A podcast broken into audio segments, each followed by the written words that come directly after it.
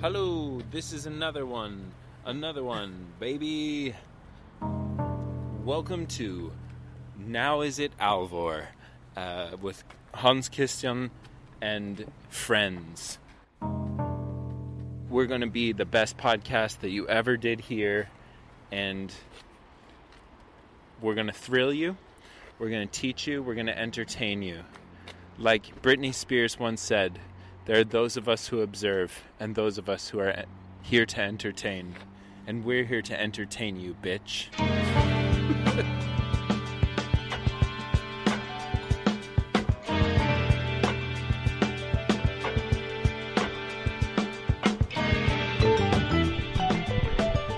Check, check, check. En, to, tre. En, to, tre. Perfekt. Perfekt. Ok, velkommen da, jente. Takk, Nå er det, nå er det alvor. På disen. Kan eh, vi kanskje ta og eh, sette litt kontekst? Nå er vi Hvor mange er det som er her nå? Nå er vi én, to, tre, fire, fem, seks. Og det er meg, din host, Hans Christian, og så er det fem av de mest badass ultraløperkvinnen i Norge, eh, som også er i min omgangskrets. Eh, så jeg har samla dere her i dag for å bli litt bedre kjent, og for å prate om eh, løping og deres forskjellige approach til løping. Fordi dere er litt sånn som eh, hvis man hadde laga en film, eller en sånn her eh, Litt sånn her Dere kunne passa inn i sånn her S-Club 7-setting. Husker dere det? At alle har liksom en karakter. Dere, du må holde mikken opp, for det, det er sånn det blir nå. Da kan jeg også si til lytterne at det her er jo en livesending, og at uh, nå har vi masse følgere og seere på YouTube, og uh, som kan stille oss spørsmål direkte. Og nå har vi rigga det til sånn at uh, jeg har en mikk, og så har alle de andre de må dele på en annen en, så de sender rundt. Og nå er det Molly som har mikken i eh, hånda, og da kan du, Molly, starte med å si hele navnet ditt, og så kan du sende mikken eh, videre til neste menneske etterpå. Det skal jeg få til. Ja. Jeg heter da Molly Strimbekk Basilchuk. ja. Takk for at du sa det, for jeg vet ikke hvordan jeg skal Nei, Jeg har alltid lurt på hvordan jeg skal uttale det. det, det er ingen som vet hvordan vi skal uttale det. Nei. Det er greit. Jeg heter Elisabeth Borgersen. Hei, Elisabeth. Jeg heter Ingrid Lid. Hei. Og jeg heter Margrethe Fjetland. Og du har også vært på podkasten før? Ja. Ja. Og jeg heter Erika Wolner. Du har også vært på podkasten før. Det stemmer. Det har jo for så vidt Elisabeth også. Da vi var på Gran Canaria. Det var, Jeg tror du fikk fem sekunder med fame på, på Gran Canaria. Ja. Fordi du var jo med på løpeturen med Didrik. Husker du? skulle forklare noen ting om hvordan eh, miljøet så ut, når vi løp i. Ja. ja. For da, det var den episoden da vi sprang på Gran Canaria, og uh, vi recorda mens vi sprang. Det er faktisk eh, den andre mest eh, lyttede episoden av Noe Nå er det alvor. Jeg har en mistanke om at eh, den, den som er mest populær, det er jo episode én, og den som er nest mest populær, det er episode to. Fordi folk starter fra starten, ikke sant. Så det er liksom fossefall, da. Ja. Men eh, ja, hva vi skal eh, Hvis vi skal sette litt mer kontekst, da. Nå vi jo eh, Nå, nå snak, tenker jeg da på lytterne, fordi eh, dem som ser på, dem, eh, dem ser jo alt sammen. Men eh, på bordet fremfor oss så har vi da en skål med helt nybakte boller. Helt nybakte, ferske boller. Og eh, hva mer kan vi si om, om studioet her? Du har fått deg noen fine bokstaver på bordet. Ja. Ser litt ut som pepperkake. Og for, eh, for eh, dem som er ihuga eh, lyttere, de vet jo at jeg liker å skjære ting med laser. Det er min store passion i livet, det er å skjære ting med laser. Så nå har jeg skåret ut logoen og alle bokstavene i, i 6, nei, 8 millimeter MDF-materiale Um, liksom Nå er det alvorbokstavene i, i MDF, og de ligger strødd rundt på bordet. Så hadde man eh, gjort eh, Hadde jeg tatt det motsatte eh, Kanskje jeg kunne lagd pepperkakeformer av det her. Det kan jeg gjøre. Ja. Men vi er jo her vi, vi skal jo snakke om ultraløping, ikke sant? Og så lar vi bare Vi lar bare samtalen ta oss dit den tar oss. Alt er lov her, og vi holder på så lenge vi holder på. Hvis ikke det er noen som må dra, og hvis det er noen som må dra, så så drar vedkommende, og så fortsetter vi bare helt til last man standing. Akkurat sånn som Bigs Backyard Ultra.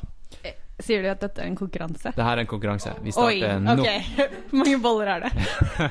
Vi, vi går herfra når bollene er spist opp. Og det er fem, seks, sju, åtte, ni, ti Nei, det er ikke nok boller. Det er ikke nok boller. Ok, eh, hvor vi skal starte, da? Eh, kanskje vi kan starte med Elisabeth, som nettopp kom hjem fra et eh, brennaktuelt race. Pun, kom- pun intended. Jeg kom hjem fra San Francisco. Jeg skulle jo egentlig løpe den eh, The North Face 50 mile. Men det ble ikke så mye løping, for dessverre så har det vært mye skogbranner der borte. Ja. Hvordan merka du det? Det var kjempetett eh, røyk, så alt var sånn helt grått og kjempedisig, akkurat som det gikk i tåke. Og det ja, lukta rart. Så vi fant ut det var ikke noe hyggelig å være rundt der. Hadde ikke lyst til å puste altfor mye i den røyken. Så Nei. jeg var der sammen med mannen min, så vi stakk til Lake Tahoe istedenfor. Det hørte jeg at det var veldig mange andre som gjorde også, av eh, dem som skulle springe. De dro til Tahoe-området. Men da var det jo sånn Bare ta mikrofonen litt nærmere. For sånn heldigvis så hadde det ikke blitt kommet noe snø der borte etterpå, så selv om det var kaldt på kvelden og på natta, Ja. så var det kjempefint vær og superfine stier. ja, for det er litt sånn oppe i elevation. Rundt ja, 2000. Og så Ja. vi var Vi sykla et par dager, så da var vi oppe på 2006. Ja. Gikk for så vidt en tur også oppi der òg. Så det var supernice. nice. Det var litt sånn gøy å se, for det er jo sånn Western States-område. Ja, ikke sant. Der var jo du i uh, sommer, eh, Margrethe. Var det ikke det? Det stemmer. Ja. Det er fantastiske stier uh, i det området. Anbefales. Det anbefales. Det er smooth trails. Det er ikke så mye teknisk. Eller det anbefales for den som liker det. Altså er det en fin avveksling fra det litt mer tekniske her hjemme, Ja. syns jeg. Det er ikke Lillomarka, liksom. Nei, Nei. det er ikke det. Men uh, alt har sin sjarm. Mm. Mm. Men skal vi fortsette litt med, med det her med Northface eh, 50, da? For det Du har, hadde, Var det et av dine A-race i år? Var det liksom en stor skuff at det ikke ble noe av? Ja. Eller, eller, eller, eller, eh, kan du på en måte sette det i kontekst med at eh, det ble jo ikke noe av fordi at det var en tragedie. Mange, mange folk døde jo og sånt, så det, Ja, så sånn sett, så det Så var jo litt sånn det at derfor- jeg, jeg kan ikke sitte og synes at å nei, det er kjipt at jeg ikke fikk løpt det løpet, selv om det var et stort løp som jeg hadde gledet meg til. Nei. For det, ja, det, det føles litt sånn smålig ut. ja. I hvert fall når man ser Bare også sånn det å være i San Francisco og bare se at er, folk bor jo i Liksom man måtte oppholde seg i den lufta. Vi kunne jo tross alt dra derfra. ja, hva gjorde folk der? For det var jo sikkert ikke så sunt å være der. Nei, de hadde jo Myndighetene hadde tatt åpnet opp bibliotek og en del sånne ting, sånn at folk skulle ha muligheten til å være inne. Men skoler ble lukket, Ja. og idrettsarrangement og sånn avlyst. Og ellers så gikk jo folk rundt med masker sånn i gata. Det Mm. gjorde jo vi når vi kom tilbake til San Francisco nå de siste dagene før vi dro hjem også. Eller i hvert fall jeg tar seg jo rundt med sånn maske, men følte meg jo ikke noe rar for det, for alle andre gjorde det òg. ja. Litt sånn som i Beijing, der alle gjør det. Ja. Ok, men du, du kom tilbake i går, eller? Ja. Er du jetlaga? Det går bra? Det går fint. Rett inn i Studio Disen. Rett inn. Viktig prioritering. Ja. Eh, er du ferdig med sesongen, da? Det ble, noe, det ble litt sånn eh, Det ble ikke noe avslutning med et pang. Det ble OK, da tar vi offseason, og så setter man på sykkelen og Ja. Har, men har du bare sykt mye energi nå? Vet du ikke hvor du skal gjøre av energien? Litt, i hvert fall sånn siden jeg har vært i USA og bare spist masse og kost meg, så Men eh, jeg tror det er bra. Jeg hadde en skade tidligere i vår, så da tror jeg det er greit å ta det litt med ro. All right. Eh, skal vi ta neste som er litt sånn aktuelt Ingrid skulle jo potensielt kanskje løpe nå på lørdag. Ja, eh, det var, 24. nettopp. Ja, det var sånn utgangspunkt at jeg først egentlig skulle løpe. Jeg var påmeldt ganske tidlig. Så jeg var våken på natta når påmeldingen åpna og meldte meg på. Så jeg hadde tenkt å løpe, men så pådro jeg meg skade i var vel sånn i midten av september. Eh, som har vært liksom litt av og på. Og så for tre uker siden så begynte jeg å komme opp på sånn greit nivå igjen i forhold til mengde trening, og tenkte ok, jeg skal løpe Bislett allikevel. Men så har det vært litt sånn eh, Nei, kjenner noe, da. Som fort blir veldig, veldig mye når man løper i 24 timer. Så Mm. da tar man det bare rolig, og så eller, ja, fortsetter å prøve å øke mengden igjen, da, og så komme seg igjen til neste sesong. Rett og slett. Ja. Eh, Så, Hva er det slags skade som ligger og murrer? eh, proximal hamstringtendonopati. Ja. Ja, det er altså øverst i festet i hamstring, eh, rett under ischiadicum, altså ved sitteknuten der, mellom imellom der sånn, festområdet der, der har det vært rimelig vondt. Kan, kan du de her eh, benevnelsene fordi at eh, du har fått de her diagnosene, eller kan du dem fordi at du, du kan Eh. menneskekroppen inn og ut? Jeg kan en del. Jeg har en, en bachelor i drama and theater communication med fokus på fysiske teaterformer. Og da har jeg hatt mye biomekanikk og Ja. anatomilære, bevegelseslære. Um, hadde fag som var movement exploring. Så jeg har jobbet mye med bevegelser. Og så har jeg ett år på fysioterapi. Og så er jeg utdannet sykepleier nå. Så Ja. Og i tillegg er du interessert i liksom, Ja. kroppen fordi du driver med, med løping. Da. ja. Så jeg har akkurat begynt å jobbe på ortopedisk avdeling på sykehus, så det er liksom sånn OK, jeg Ja. føler at jeg havna på rett plass. Du ser mye. Ja. Ja. Ja, Det setter ting litt i perspektiv, egentlig. Fordi jeg går og klager litt over min skade. Og her om dagen fikk vi inn en mann som hadde falt fem etasjer og knust begge leggebeina og kneskåla og diverse leddbåndskader og muskelskader og ja. Det er mye Ja. smerte, rett og slett. Og så Shit, ass. blir det litt sånn OK, når kommer han til å gå igjen? Det høres ut som noen som eh, eh, Når de er ferdig med Bislett 24. Ja, ja, faktisk. eh, Når jeg var ferdig med Bislett 24 i fjor, så var jeg ikke så ille. Eh, Jeg var løpa i sånn fire dager senere.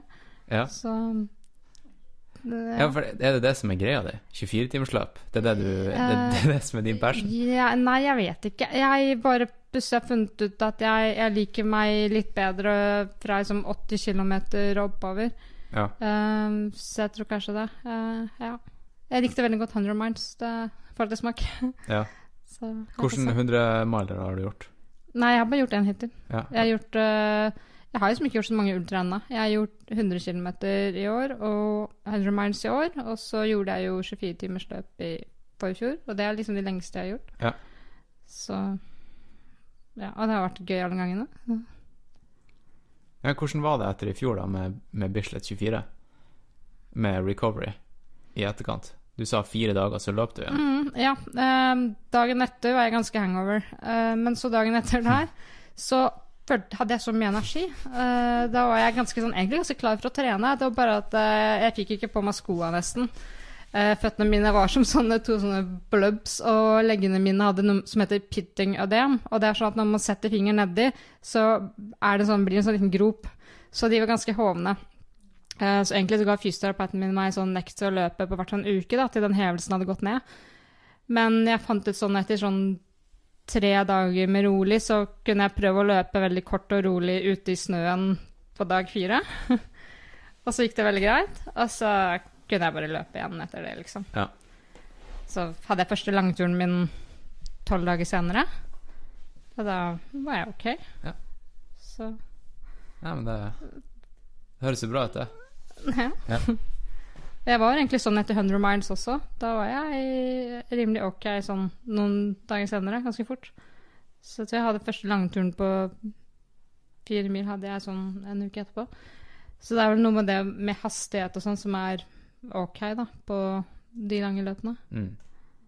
Som ikke lager sånne massive skader, liksom. Jeg, jeg, jeg merker jeg blir bare mer og mer vant til å høre liksom sånn her Ja, jeg sprang 24 timer, 100 miles og sånn her. Jeg føler at vi, liksom, vi lever i en sånn boble der det her er sånne uttrykk som bare blir slengt ut. Uh, og jeg har mista liksom fascinasjonen med oss liksom, Jeg vet ikke. Bare kommentar på det, for jeg har fått den eh, flere ganger at ja, men du har jo blitt sånn distanseskada. Sånn ja, ute og løper 10-20 km, som for oss ikke er noe kanskje spesielt langt. Ja. Men for vanlige folk så er det faktisk langt. Ja, Men- det er jo dritlangt. Jeg husker da jeg starta med, med løping og hørte at det var noen som sprang 100 miles, eller 100 km, eller, eller eh, 60 km, for den saks skyld. Så så jeg på de folkene som ninja. At det var en sånn utenomjordisk eh, greie. Jeg merket jeg fikk litt sånn her Jeg ble starstruck da jeg møtte, da jeg møtte liksom folk som hadde gjennomført de her racene og sånt. Men det er jo, det er jo bare liksom vanlige folk.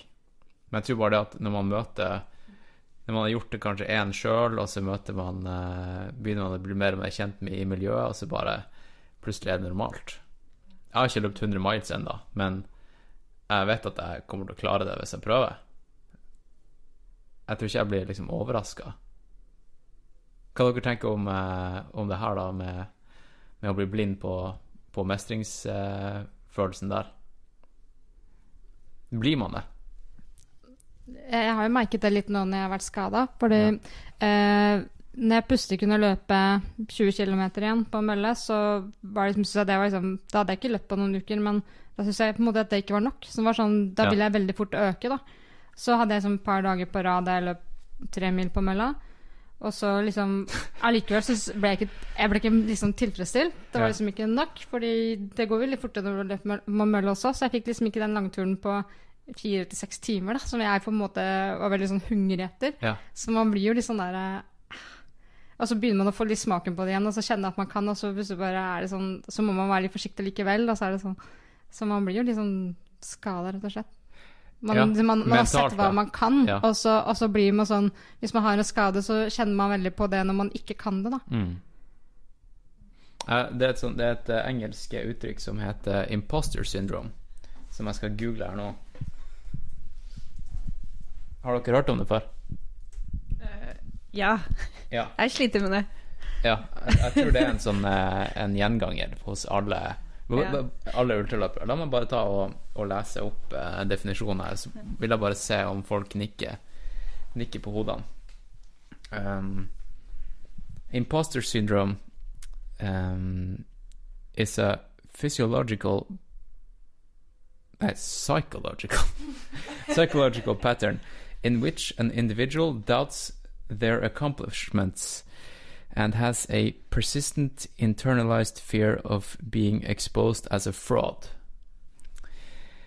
Uh, despite external evidence of their competence, those experiencing this phenomenon remain convinced that they are frauds uh, and do not deserve uh, all they have achieved.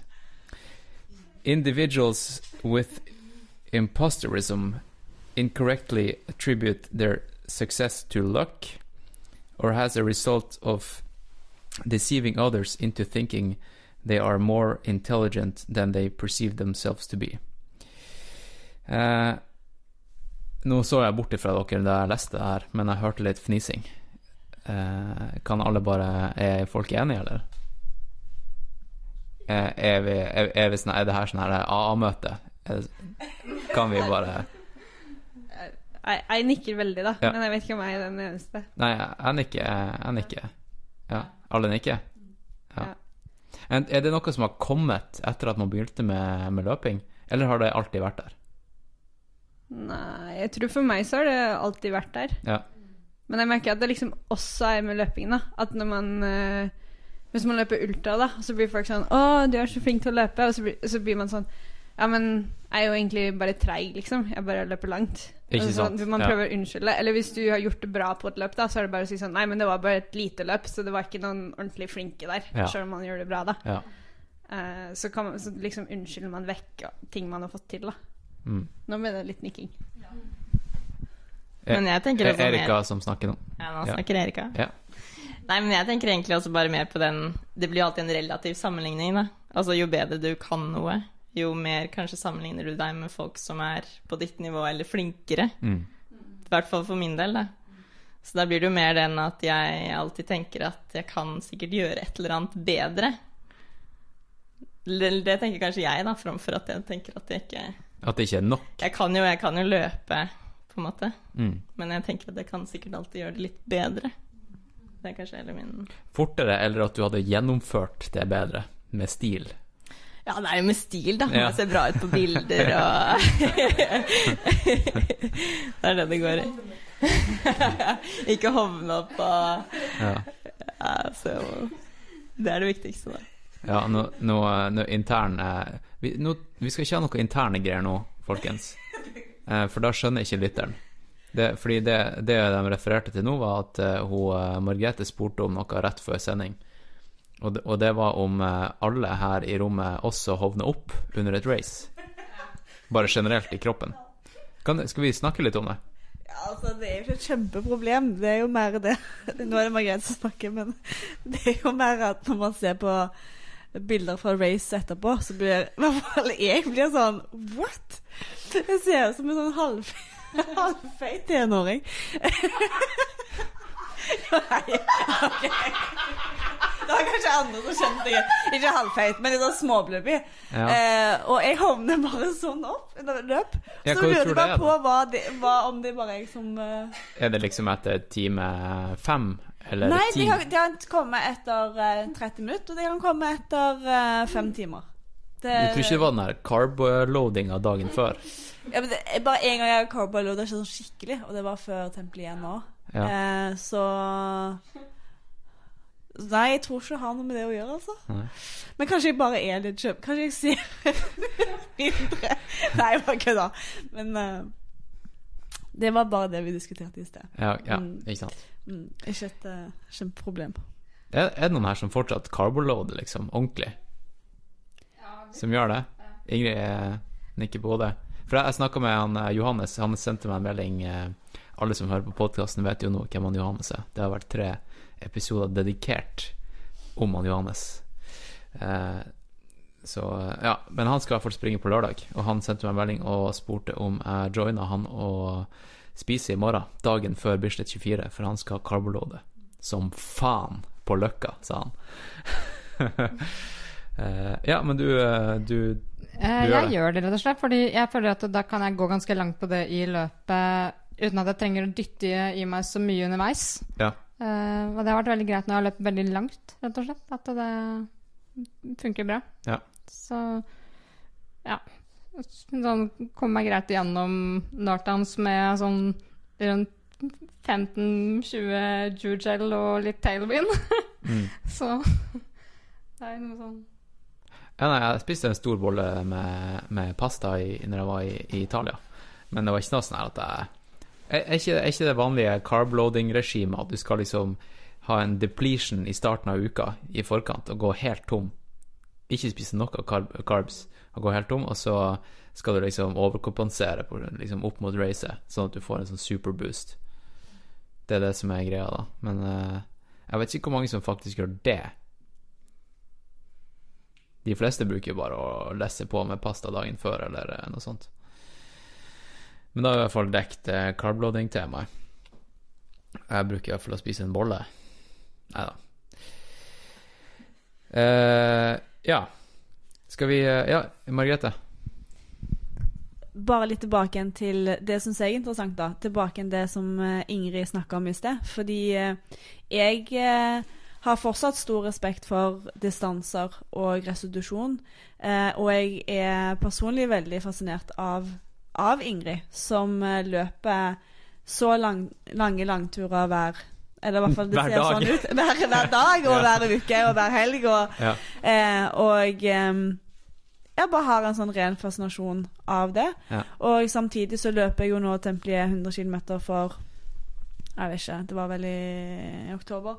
Eh, hvor eh, jeg hadde to venner som løpte sitt første 100 km.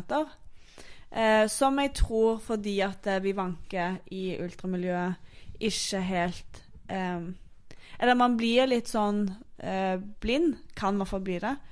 Og eh, fordi at alle kaster ut, sånn som du sa, 24 timer, så 100 km, 100 miles, så tenker man kanskje ikke over hva det faktisk gjør med, hva det gjør med kroppen.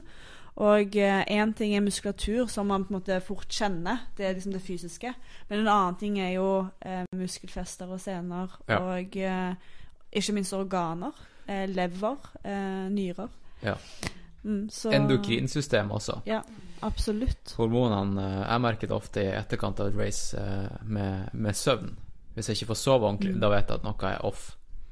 Mm. Men ja. Det, det er ikke bra å henge med for mye ultraløpere. Det er ikke det, altså.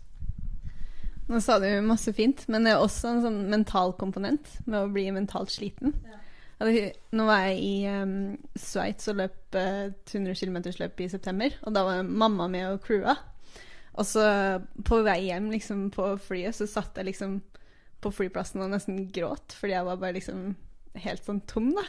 Og mamma skjønte ingenting. Hun trodde liksom hun hadde gjort noe galt. Og jeg bare, nei, jeg bare liksom så liksom sliten i hodet og i kropp og i alt. Altså etterpå så sa hun til meg sånn Jeg begynte å tenke på det, og så tenkte jeg ja, du, du var jo ute og løp i 17 timer, liksom. Det må jo være som, som fødsel, nesten. At det går gjennom sånn der intens, liksom, eh, både fysisk og psykisk opplevelse, hvor du er liksom holder på med noe så intenst så lenge. Ja. Uh, ja. Det er, ingen her, er noen her som har født? Nei. Ingen som kan sammenligne det med det? Ingrid, du har vel eh, sett litt fødsler, jeg vet ikke? Det Har du vært vitne til nå? Nei. Nei, helt annen avdeling, så jeg har ikke sett noen fødsler. Men uh, uh, dere er jo uh, Dere er jo kvinner, og kanskje en dag så skal dere føde. Tenker dere på det som, som noe jævlig, eller tenker dere på Nei, nei, jeg har sprunget 100 miles, så det, jeg vet hva liksom det verste Jeg vet worst case. Det kan ikke være verre enn det, liksom. Hva dere tenker om det? Margrethe? Jeg tror og håper at det ultra er Jeg tror det er mye kjekkere og behageligere Ja. for min del, men ja. Bare at en ultra, da må du ikke deale med vedkommende i 18 år fremover. Da, da er du ferdig med det. Det er kun, kun deal med deg selv. Ja. Nei, jeg vet ikke om det kan sammenlignes, jeg. Det er jo noe helt annet, tror jeg. Både Ja. mentalt og fysisk og på alle mulige måter. Ja. Uten å ha opplevd det selv, da. Ja, jeg tenker jo med fødsel så er en sånn Det er jo noe med at det er litt sånn ufrivillig og når du først setter i gang, selv om de må gjøre noe. Mens ultra, så er det den der komponenten at du kan faktisk alltid bare stoppe opp og si at nå gidder jeg ikke mer. Det, det er på en måte deg sjøl som driver deg fram i smerte, da, Ja. når du har det vondt. Ja. Så det blir på en måte to Ja. Du, du må jo liksom fullføre fødselen, da. ja. Jeg, jeg, jeg, Du kan ikke bare Nei, jeg gir opp. jeg snakket med en kollega Jeg snakka med kollegaer om dagen som, eh, som Vi snakka om smerte. Og da var det liksom det, det er to ord som er ganske like, men også veldig forskjellige, og det er pain og suffer. Og, og eh, det jeg kom fram til, da, som jeg også har hørt et eller annet sted, så det var ikke jeg som kom fram til det, det jeg har hørt noen andre si det, er at eh, pain, det er hvis, hvis det er u... Hvis det ikke er du som påfører deg sjøl det, mens suffering, da er du sjøl som går inn for det, og det er du som vil det. Så jeg tror det er suffering som vi er, vi er flinke til. Mens pain er en helt annen sak, og det er vel det som ofte er er forbundet med fødsel, f.eks. Eller, eller tortur. Waterboarding, det er, det er pain. Mens eh, ultra, det er, det er suffering. Tror du man blir bedre på å deale med pain hvis man på en måte har valgt å gå gjennom masse suffer selv? Ja. Det er Du kan vel sikkert uh, vinkle deg til å få deg sjøl til å tro at det er suffering. Tenker jeg, da. Men jeg avbrøt egentlig Erika i stad. Hva Erika skulle si? Hvis du husker det du skulle si. Det var bare en liten kommentar da fra en venninne som er født, Ja. om at det er en fordel å være i form, da. For det er jo et lite ultra, i hvert fall. Ja. Ja, men det ja. Bra tips. Bra. Bra tips. Det, jeg føler egentlig at vi har hoppa over litt, uh, litt greier nå. Fordi at uh, la, la, oss, uh, la oss prøve å late som at vi er en lytter nå. Og lytteren bare hopper inn nå i, på, på disen mentalt. Eh, vedkommende er sånn typisk eh, løperlytter som bare putter på headsetet, springer på langtur og ser for seg at Studio Disen er sånn her eh, Narnia eh, et eller annet sted eh, i, i hovedstaden. Jeg vet ikke. Jeg har Aldri sett noen bilder. Liksom bare, du vet nå. man, man forestiller seg jo saker og ting eh, med, med lyd. Eh, men vi har også glemt å på en måte si hvor gamle dere er, og hvor dere kommer fra, og litt sånn ekstra innhold, føler jeg, da. Navnet er ikke nok, og at dere springer langt. Kan du bare Erika, nå har jo du mikrofonen i hånda. Kan du bare si Og så holder du mikken eh, på mikken, og ikke i ledninga. Da fikk jeg kjeft. Jeg har bare hørt litt sånn gnissing. Okay. Det er derfor jeg har headset på meg, sånn at jeg hører de her tingene. Okay. Jeg er sånn fikler, da. By the way. Ja, ok. Og så er det eh, Det er ikke sånn som sist da han Askild eh, spiste smågodt. Eh, dere andre som ikke snakker, har mikken, dere kan spise og smatte så mye dere vil. Er det noen som vil ha eh, noe te, forresten? Jeg har ikke bydd på noe å drikke. Ja, vann. Da kan Erika, du kan bare snakke om deg sjøl, og så henter jeg vann til eh, folk. Ja, du sa vi skulle si noe om alder og hvor vi kommer fra. Så jeg kan jo starte med det. Eh, Jeg er eh, 29 år.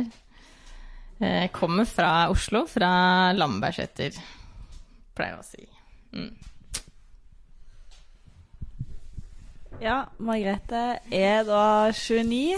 Eh, født i Kristiansund, oppvokst i Stavanger, bodd i Oslo i snart 11 år. Ja, jeg er da Ingrid, og jeg er 27. Og jeg er egentlig født i Oslo, men har bodd mye i Kviteseid, og nå bor jeg i Skien. Ja, da er det Molly, og jeg er 27 år og født i Vermont i USA. Og så har jeg bodd i Norge de siste 16 årene og akkurat blitt dobbelt statsborger. Så det er gøy. Ja. Eh, og så har jeg bodd i Oslo i fem år, kanskje? Ja, en stund. Men med, først i Trondheim og så i Oslo, så litt rundt omkring i Norge. Da er det Elisabeth som er eh, den gamle. Jeg er 37. Jeg er opprinnelig svensk, men jeg har jo bodd i Norge siden 87. Eh, ja. Vokste opp i Bærum og har bodd mye i Oslo. Bodde rett nesten nabo til Hans Christian før. Men et par år siden. og nå hvis jeg ikke har mikken, bare si noe mer. Ta det videre. Ja, kan jeg spørre videre, sånn til de andre? Så jeg er nysgjerrig. Hvor lenge har dere egentlig holdt på med løping?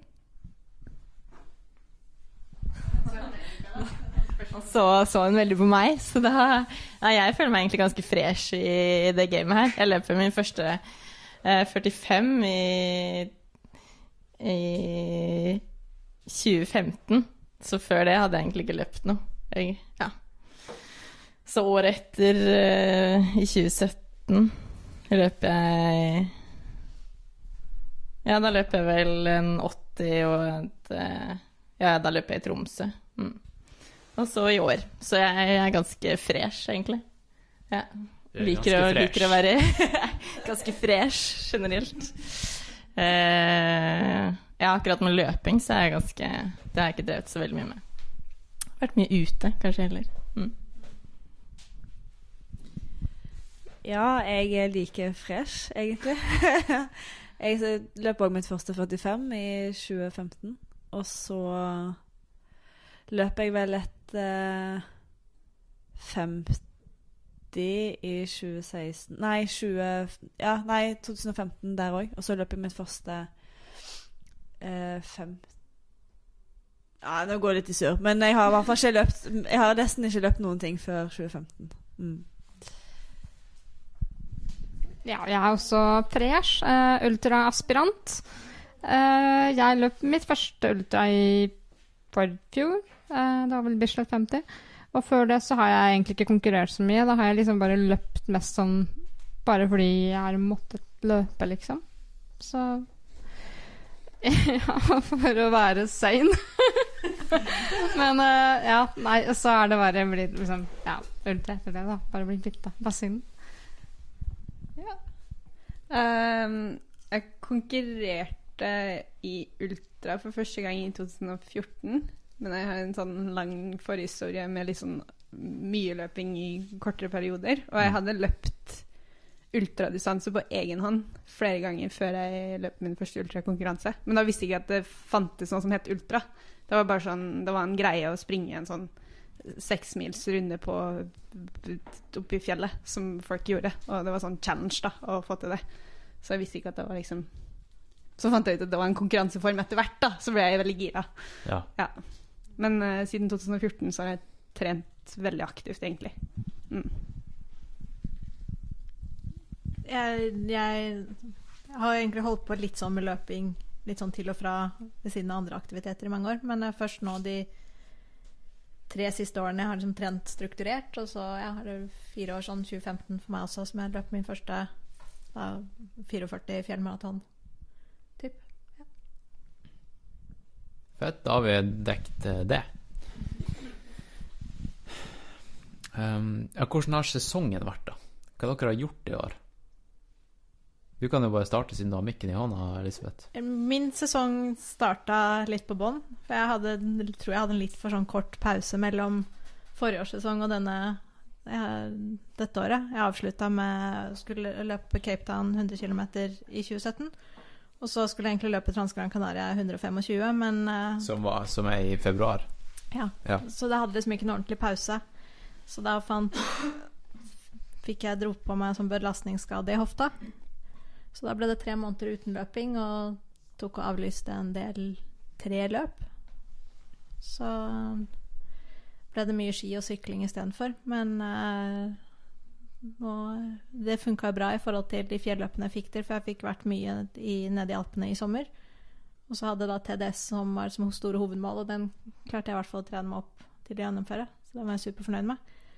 Og så hadde jeg et par ultra som jeg løp eh, som sånn type treningsløp eh, i sommer før det. Ett i Kormajør og ett på Blefjellet hjemme. Og så skulle jeg da, som vi snakket om tidligere, det til San Francisco og løpe et litt sånn raskere 80 km løp nå. Men eh, det ble ikke ting. Men jeg fikk løpt eh, en maraton, asfaltmaraton i opptreningen til San Francisco, så jeg fikk gjort litt andre ting istedenfor. Det handler jo om reisen, gjør det ikke det? Gjør det, ikke det? Jo. Det spiller ikke noen rolle om, eh, om race ikke ble noe av. Men men hvordan, hvordan deala du egentlig med tre måneder uten løping? Hvordan var det? Jeg er veldig glad for at jeg kunne være i bevegelse. Sånn Til å begynne med så kunne jeg ikke gå på ski, eller da gjorde liksom alt vondt. Mm. Men etterpå så ja, begynte jeg å kunne gå på langrenn, og så hadde vi en helt fantastisk vintersesong i fjor. Og Ja. da ble det lange Da ble det ja, ultraskiturer istedenfor. Bare Mm. for, sånn for meg selv. Så, Men, så det, du sprang ikke i det hele tatt? Nei. Shit, altså. så ja, mye ski. Og så på våren så ble det en del landeveissykling. Hvordan, eh, hvordan dealer dere med skader, da? Sånn uh, mental. Har dere vært gjennom noen sånn skikkelige skader, dere andre? Der dere har blitt satt ut liksom ukes eller måned? Jeg har jo det. Først Det etter Ingrid, Ingrid snakker. Ja, Ingrid.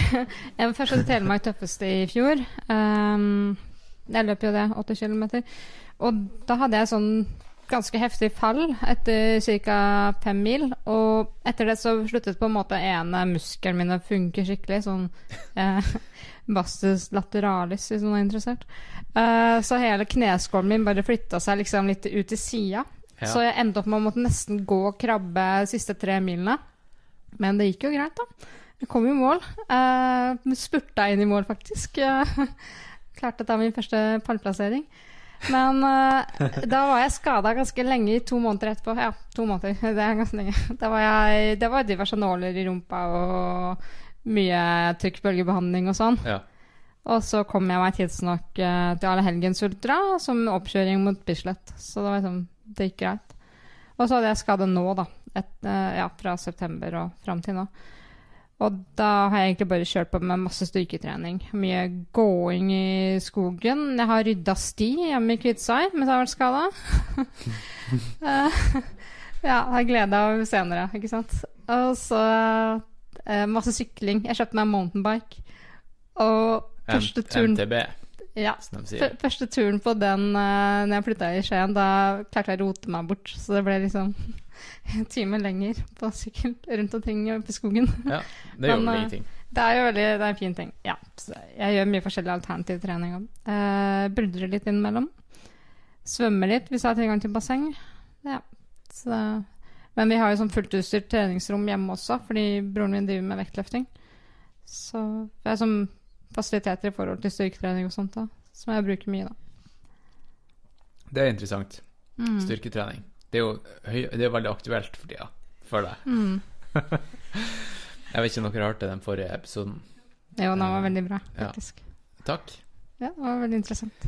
Uh, hva, er, hva er, siden du har mikrofonen, hva er approachen din til styrke, styrketrening? Når, når gjør du det på året? Gjør du det hele året? Eh, og hvilke øvelser gjør du? Og, Ja. liksom, ja. Eh, litt hele året, faktisk. Eh, prøver å ha én til to økter i uka. Og hvis jeg er skadet, så trener jeg gjerne styrke hver dag. For å kompensere for at jeg ikke får løpt, på en måte. Hvor heavy styrke snakker vi? Snakker vi kroppsvekt, eller snakker vi Ja, begge Ja. deler. Eh, både ja, diverse vekter, lette vekter, tunge vekter, og mye calisthenics. Altså sånn ja, bodyweight training, da. Ja. Um, og da gjør jeg mye sånne funksjonelle øvelser som på en måte belaster store deler av kroppen samtidig. Som går på mye koordinasjon og balanse, samtidig som at det på en måte er i forhold til styrke. da. Og så gjør jeg også de typiske baseløftene. sånn Knebøy og markløft og ja. Ja. Bare kjøre gjennom hele. Hva du tror er på en måte det største gain din for å uh, drive med, med styrke? For du, du løper jo som regel flatt og langt, Mm. mens uh, vi andre her, vi har en tendens til å springe litt mer eh, vertikalt og i, i terrenget. Jeg tror at det herder alle senefester og, og muskler i forhold til det å tåle belastningen av å jobbe kontinuerlig på asfalt i fire til seks timer. Så at de, alle de støtene på en måte oppi muskulaturen og festene, at, at festene på en måte holder, da. Uh, så lenge de gjør, holdt jeg på å si. Ja. Til man er på en eller annen skade, men altså, det får man jo. Men eh, ja, jeg tror ikke jeg hadde kunnet på en måte løpt så, såpass mye så fort hvis jeg ikke hadde hatt den basen med all styrketrening i, i bunn. Mm. Mm. Jeg hørte, jeg hørte på en podkast i dag, faktisk, at uh, når du har fylt 35, så mister man én pound uh, med bodyweight hvert år Mm. med muskelmasse hvis man ikke gjør noe vedlikehold eller noe sånt. Så det er Ja, eh, Elisabeth. Eh, hvis ikke du trener styrke, så er det pokker meg på tide. Altså I forhold til kvinner da, så er det også det med bentetthet. Fordi fra vi er, eh, er rundt 20 år, så begynner bentettheten å gradvis avta.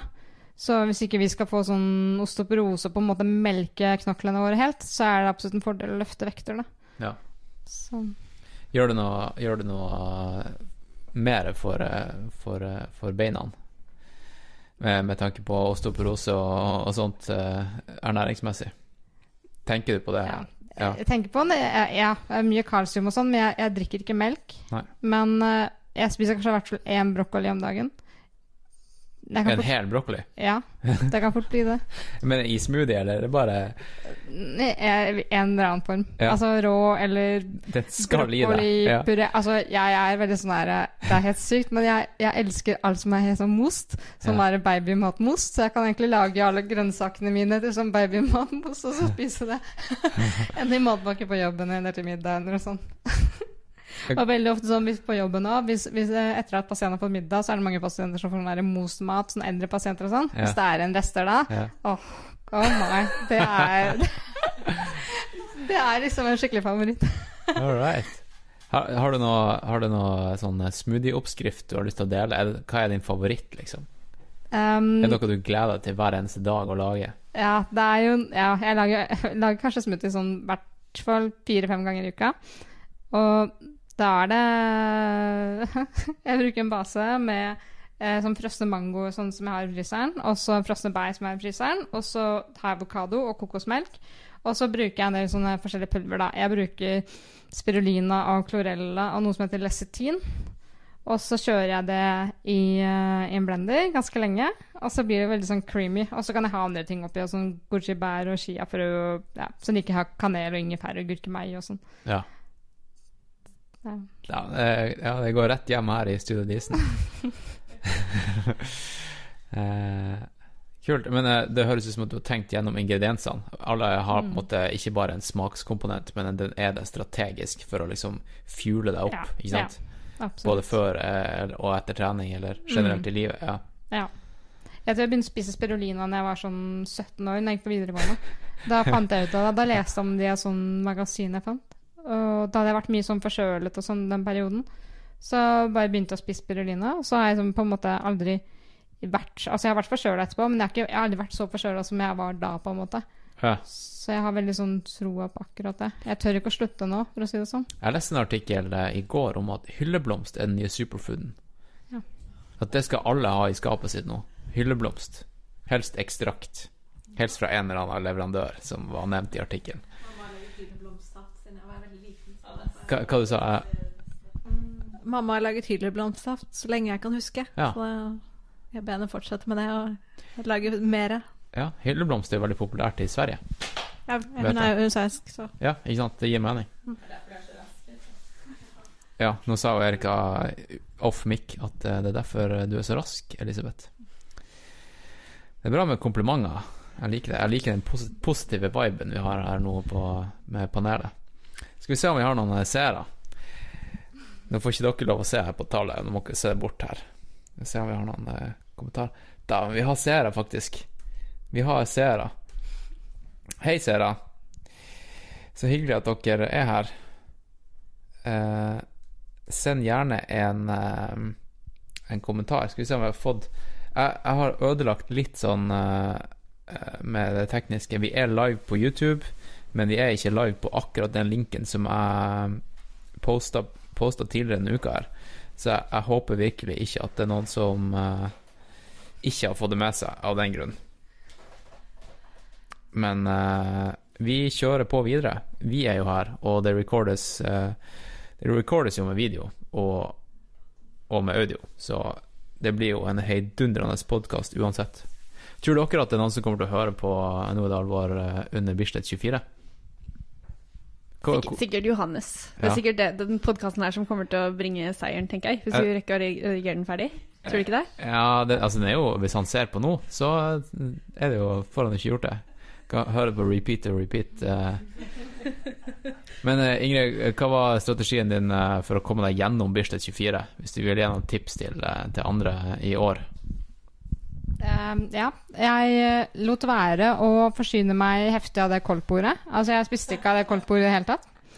Um, jeg hadde Men det var det som felles koldtbord? Ja, det er sånn Ja, det er eh, alle som jobber der hele døgnet, har sånn Det er Ja. kjempesvært. Og så er det, er det jo måltider. Det er jo en sånn meny. Så Ja. Men det, er det, du lot være fordi at det er en bakteriebombe?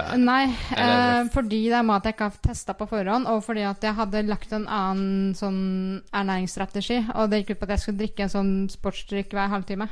Som jeg Ja. fikk servert i en liten drikkeflaske i hånda.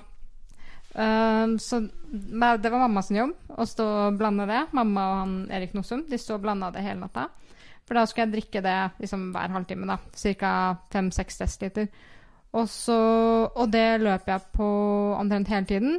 Og hver tredje time så hadde jeg en halv brødskive med avokado. og mot slutten så dytta jeg innpå litt bananer og Red Bull og litt sånn. Og det var ikke før de to siste timene. Og da unngikk jeg magetrøbbel. Jeg hadde ikke noe problem med magen hele veien. Og Det er suksessoppskrifta, sier det. ja, og så etter hvert eh, Innimellom så får du sånn trykk i beina. Og liksom følelsen av at, du, måte, at beina liksom skal eksplodere. Og da på en måte jeg bare pekte på beina mine, og så løp jeg inn på siden. Og så visste de hva de skulle gjøre da, og da lå jeg rett opp med beina i været. Og så dunka de væsken ned, og så var det rett utpå igjen, og så kunne jeg fortsette. Så det er, det er en sånn ganske liten sånn quick fix som er utrolig digg, da. Ja. Og bare få det gjort.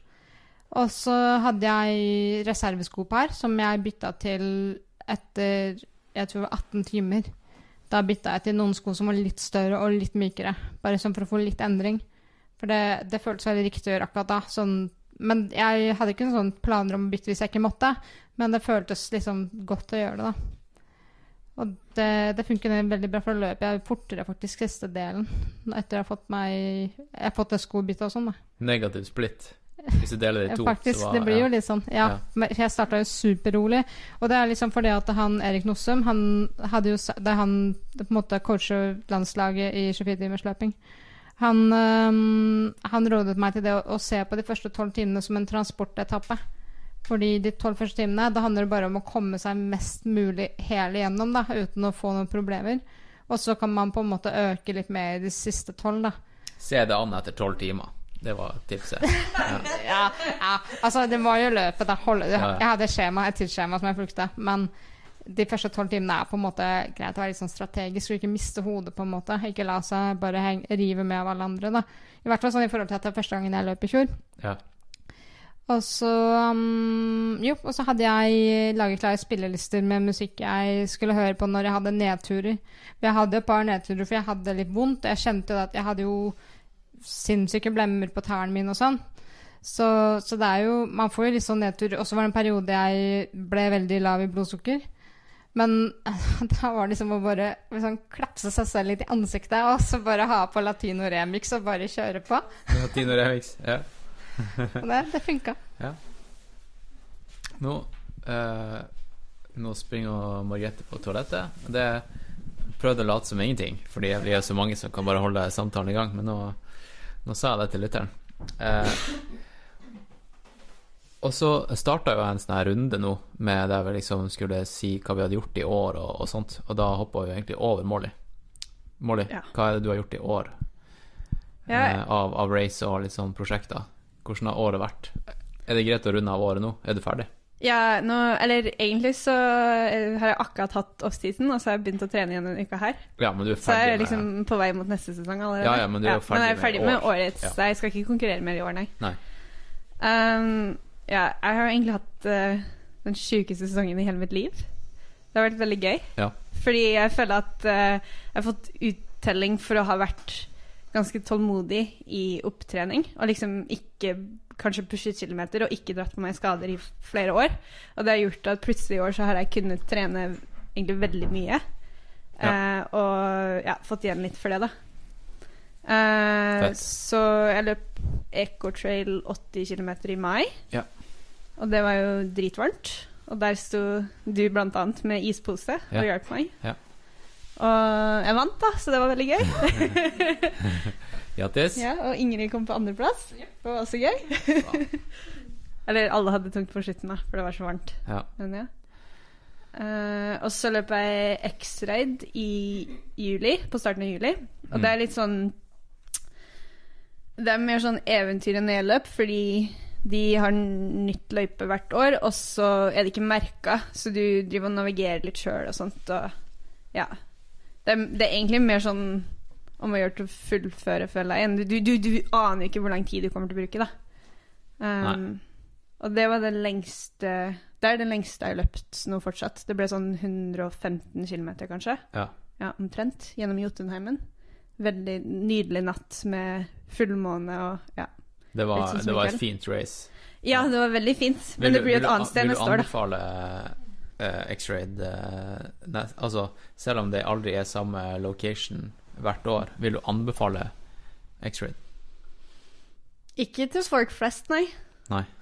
Nei, det mm, Jeg snakka med noen uh, Tyler, som har vært på podkasten, Ja. som har vært med flere ganger. Shout-out shout til Tyler. Shout out til Tyler, ja. De har det med å, eh, å legge det på steder som er liksom veldig vanskelig å ta seg fram i. Da. Så blant annet uh, i år mellom sjekkpunkt to og tre um, så var det et langt parti som i teorien var en DNT-sti, men det var bare sånn røde T-er kanskje hver 50. meter, og de var litt sånn spredt i sånn lyng som gikk liksom opp til knærne, som du drev og vasset i bare. Ja.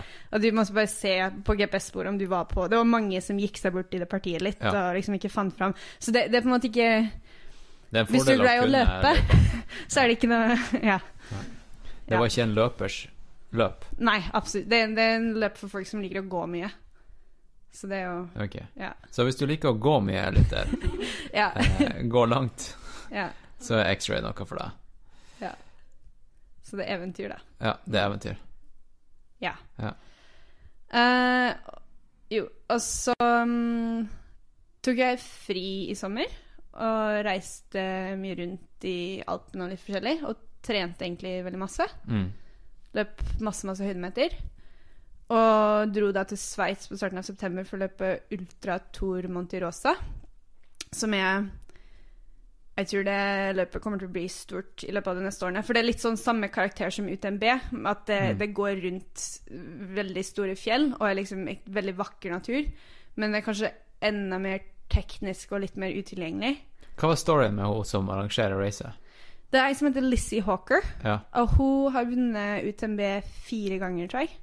En, en sånn Northface-sponsa dame. Og så bor hun mye av året i Nepal.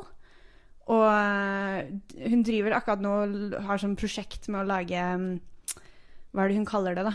Great Himalaya Traverse, tror jeg. Som er sånn eh, Hun skal lage sånn, sånn rute med sammenhengende sti som går på tvers over hele Nepal, i høyfjellet, da. Så hun har skikkelig sånn Hun har skrevet en veldig god bok som heter Runner, bare. Um, hun har veldig sånn der Ja, filosofisk tilnærming til, eh, til løping. Da. Hun snakker liksom mye om det interne, det som foregår inni hodet hennes når hun på en måte løper lange distanser. Da. Så jeg syns hun er en skikkelig tøff dame. Da. Uh, og da har hun visst trent mye i det området rundt Monte Rosa, så hun hadde lyst til å lage et løp som var liksom sånn som hun Ja. likte å Det er jo ofte sånn race oppstår, er jo liksom at en eller annen flink løper bare tenker liksom Det området de trener i mye, er jo bare sånn Shit, det her burde egentlig vært et race. Ja. Litt sånn som Så vi det- alltid sikler på å lage et race i Lillomarka. Ja. Men så fikk vi jo uh, tommel ned fra Løvenskiold da vi søkte, og det, Dårlig gjort. det er Ja, det er ikke greit. Det er ikke greit. Kanskje en dag. Kanskje en dag. Ja. Ja, eh, så Og det gikk jo bra, det racet. Ja, den vant jeg. Ja, Mm. ikke sant? Ja. Kunne ikke gått bedre. Nei, det gikk Nei. Det var Men jeg hadde veldig Selv lyst til det da. Så ja. ja. Men uh, til og med med imposter syndrome kunne det gått bedre. Eh, jeg var jo på herrepallen, da, så det var jo Ja, ikke sant? Så du hadde den. Jeg, jeg kunne jo Ja. vunnet hele greia. Ja. Jeg, jeg løp jo en stund med han som vant hele greia, så Ja. sånn sett så, så ble jeg jo fra litt på slutten. Du var litt bitter i etterkant ja, for at det ikke var overall. Nei. Nei. Da. Men uh, det var første gangen at jeg var med på et race hvor jeg liksom tenkte fra start at det her har jeg tenkt å vinne. Og så på en måte Ja, gikk ut hardt fra tet og bare nå skal jeg prøve å vinne dette her. Ikke sant? Du var liksom en vinner på startstreken. Det har jeg aldri følt på før. For på Ecotrail så var jeg liksom litt sånn overraska da noen fortalte meg at jeg var i tet. Jeg var litt Ja. sånn oi, fordi ja. Jeg hadde ikke helt oversikten, da. Nei. Så det var egentlig litt gøy å kjenne litt på, da. Så det her har vært ditt breakthrough-år. Ja, egentlig. Så fett. Så nå må vi, vi må banke litt i bordet her på Studio Disney. Ja. Banke. Fordi uh, det her er sånn som Nå kommer jeg til å bli kjempegira, så kommer jeg til å bli skada neste år. Ja, Hamstringen min kommer til å knekke av og krepere og ja. ja. Ja. ja, vi får se. Vi får se. Du får bare prøve å være litt klok i treninga. Ikke overdrive. Ja, Det er jo så nå har jeg hatt Ja, så avslutta jeg sesongen med litt kortere ja, hytteplanmila. km Mm. flatt, bare for å få litt fart. Og så har jeg hatt fire uker Altså, man klarer jo ikke å ta helt fri, men liksom at man ikke har fokus på trening, da. At Ja. du liksom gjør andre ting og slapper godt av og sånt. Ja. Så jeg tror det er lurt å koble hodet ut litt, da. Ja. Mm. Og kroppen. Ja, ja det, det er nok eh, ganske så viktig. Skal vi gå videre til Margrethe, da? Nei, har- du, du har snakket litt om i år, Ingrid? ja, litt. Ja. Men er det noe vi har glemt fra i år, da? Eh, Jeg har gjort så mye rart i år, liksom. Ja. Um, jeg starta jo året med ja, 100 km i uh, Ja, jeg hadde en uh, DNF på Bislett 50, for da fikk jeg noen magegreier. Men uh, så hadde jeg ja, NM i 100 km i mars. Og så hadde jeg ek nei, eh, KRS Ultra i april som et treningsløp. Og så hadde jeg Ecotrail i mai. Og så hadde jeg um, Buff, som jeg fikk eh, gratis. Jeg fikk en sånn tur. buff Eh, Epic Trail, ja. ikke, ikke én buff. nei. Liksom årets ja. høydere. Ja. Nei, eh, jeg fikk sånn der eh, pakketur, eh, Runners World, som konkurranse som jeg vant. Eh, oh, Runners World. Ja. Runners World og Buff Norge. De sponsa med en sånn tur. Så, og det var jo ikke i på en måte kalenderen min i det hele tatt. Så, men det sa jeg ja til. Så, så sendte meg nedover. Fett. Det var veldig gøy. Det var kjempegøy. Det er stas. Uh, og så gikk det jo ganske greit også. Og så etter det, da, så var det å begynne å løpe langt og flatt igjen, og så North Arms Way. Og Ja, og det er Centurion England, sant? Ja, ja, Ja. Centurion Race, det er ett av de. Uh, for det er jo fire. Så Ja, Nå må du snakke som at lytteren er en, eh, en, Ja, en som springer kanskje fem Nettopp begynt og skal trenes opp til en fem kilometer. Ikke sant? Ja, men seriøst, det er jo, Ja, det er ja. jo Flesteparten av folk er jo der. Ja, eh, det, er- ja, det er en serie da med 400 miles løp, og så Ja. er det to løp som er 50 miles, som er på forskjellige sånne stier i England. Ja.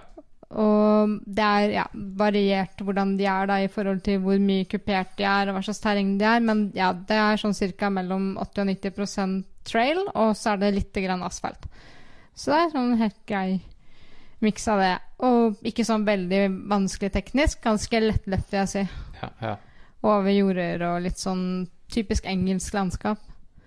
Så kjempefint løp, absolutt. Ja. Det passer bra med sånn som du trener til hverdags Ja, også. egentlig. Ja. Ja. Eh, Hvor, ja, for hvordan er hverdagen din i, med liksom Eller sånn, hvordan ser stien ut, eller veien ut, den du Den melk og brødrunden din? Eh, nå er den helt uh, ny, kan du si, for nå vet, jeg nesten, nå vet jeg nesten ikke hvor jeg er, for, jeg på har akkurat flytta dit. Så jeg driver og finner nye veier å løpe og sånn. Um, men jeg, ja, jeg gjør alltid run commute, så jeg løper liksom til og fra jobb. Og det er, det er som vei, asfalt. Mm. Uh, men jeg tenker på Liker sånn du det? Jeg syns asfalt er greit. Ja. Fordi mange av de stedene der jeg løper, det blir på en måte ikke som Oslo. Fordi jeg kan løpe Hvis jeg løper i Kvitsa da, når jeg er hjemme, så kan jeg løpe Hvis jeg løper en søndag, kan jeg løpe i kanskje tre-fire timer uten å møte en eneste bil. Og jeg har bare skogen rundt meg på alle kanter. Mm. Sånn at selv om jeg på en måte løper langs veien på asfalt, så er det opp og ned, og sånn Og det er ikke helt flatt. Og så er det Det er ikke som å løpe langs veien. Det føles ikke sånn. Fordi jeg har såpass mye tett skog og fjell rundt meg, da. Ja. Så jeg syns ikke det blir kjedelig. Jeg syns bare det blir sånn veldig mediativt. For jeg trenger ikke å tenke, bare løpe. Er det derfor du springer, tror du? Ja, jeg tror det. Det er ja. det du liker med det? Ja, men samtidig så hører jeg veldig ofte på musikk, da. Men det er, det er noe med det på en måte at jeg liker bare å bevege meg over tid. Sånn, uten å tenke så veldig mye. Så ja. Eh, nei da, og så var jo planen da også å løpe Bislett, men så ble det avlyst, så nå har jeg på en måte bare Ja, nå hviler jeg fram til jeg skal på sånn Eller jeg hviler, ikke jeg trener, da, men jeg har ikke løp. fram til jeg skal uh, til Gran Canaria i januar på sånn treningstur. Ja, du skal med, Ja, den Sondre Amdal-turen. Ja. Ja. Mm. Den var jeg på i fjor. ja Den kan anbefales. Mm. Den er Mm. jo dritfin. Det er stas. Mm. Det, det, burde du glede deg til. Har du vært på det før, eller? Nei. Nei. Nei. Gleder meg masse. Mm. Mm. Det er kult å ha noe å glede seg til i vinteren. På, på vinteren. Ja, og så særlig der jeg jobber nå og sånn, så ja. Det med Ja. Det blir ganske mye jobbing fremover. Jeg har en sånn heftig julejobbing med masse nattevakter og sånn, så Ok. Jeg hørte på en podkast i går at, eh, at uh, de fleste gir opp på målene sine i februar måned. Så hvis du, eh, skal, hvis du har et mål om å endre en livsstil eller et eller annet, ta og sett liksom hoved... eh, en eller annen peak eller et eller annet race eller whatever det skal være. Sett det til februar. Ikke ha det liksom i april eller, eller, eh, eller mai, for da kan det være at du gir opp på veien. Sett målet til februar. Var dette ultraløpere, eller var det generelt? Nei, generelt. Februar er på en måte statistisk sett den måneden der folk gir opp. Så eh, ta og bare vit det, folkens, at eh, februar, februar måneden. Kommer du deg over kneika februar, så er det gjort. Da har du kommet langt. Ja, nå, Margrethe, har du mikrofonen i hånda. Hvordan har året ditt vært? Eh, jo, eh, løpsmessig så starta det vel med to måneder i Gran Canaria. Og var Ja. jo på den treningsreisen Ja, som Ingrid på. Ja. Ja.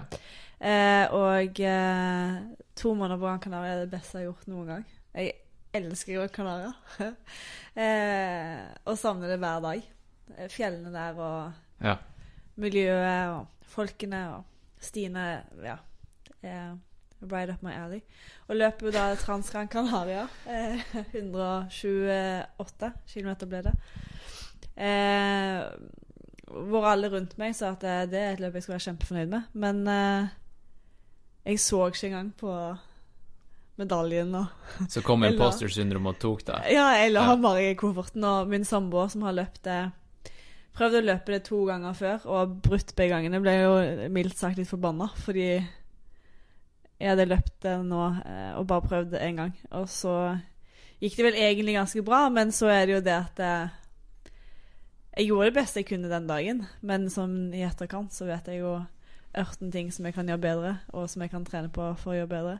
Og eh, så jeg er kravstor til meg selv, så jeg vil jo ha bedre plassering. Men eh, sånn eh, all in all så var det jo mitt første løp. Det lengste løpet jeg hadde løpt før det, var 85. Så det var et ganske høyt hopp, Ja. sånn sett. Eh, og det var en veldig bra dag. Veldig kjekt. Eh, ble veldig motivert Fin dag på bedre. stien. Ja, Ja. Det var det. Eh, og så skulle jeg løpe Maxi Race eh, i mai, som er i Annecy. Eh, og hadde opp mot det eh, ligget syk i to uker. Annecy i Frankrike. Ja, det stemmer. Ja. Og eh, eh, dro ned dit og kjente på hele meg at det, det her kommer ikke til å gå. Men så stiller du på startstreken, fordi at noen ganger så vet du ikke hva som skjer underveis. Ikke sant? Så at jeg de skulle løpe det av meg. Det var skikkelig teit. Og så var det vel 30 km inn i løpet, så det gikk ikke. Nei. Altså Hvert steg var veldig, veldig tungt. Uh, Det, det kan faktisk gå begge veier, det der. det, det, det, Fordi kan. jeg har Ja. sprunget av, eh, ikke sprunget av, men sånn her Sånn som Penya Peña Golosa VM i, i, i mai. Mm. Da var jeg helt sånn potte tett på startstreken. Etter 20 km så begynte det liksom å løsne. Kjente Ja. at bihulene bare ble, ble tømt etter liksom to timer med snørring.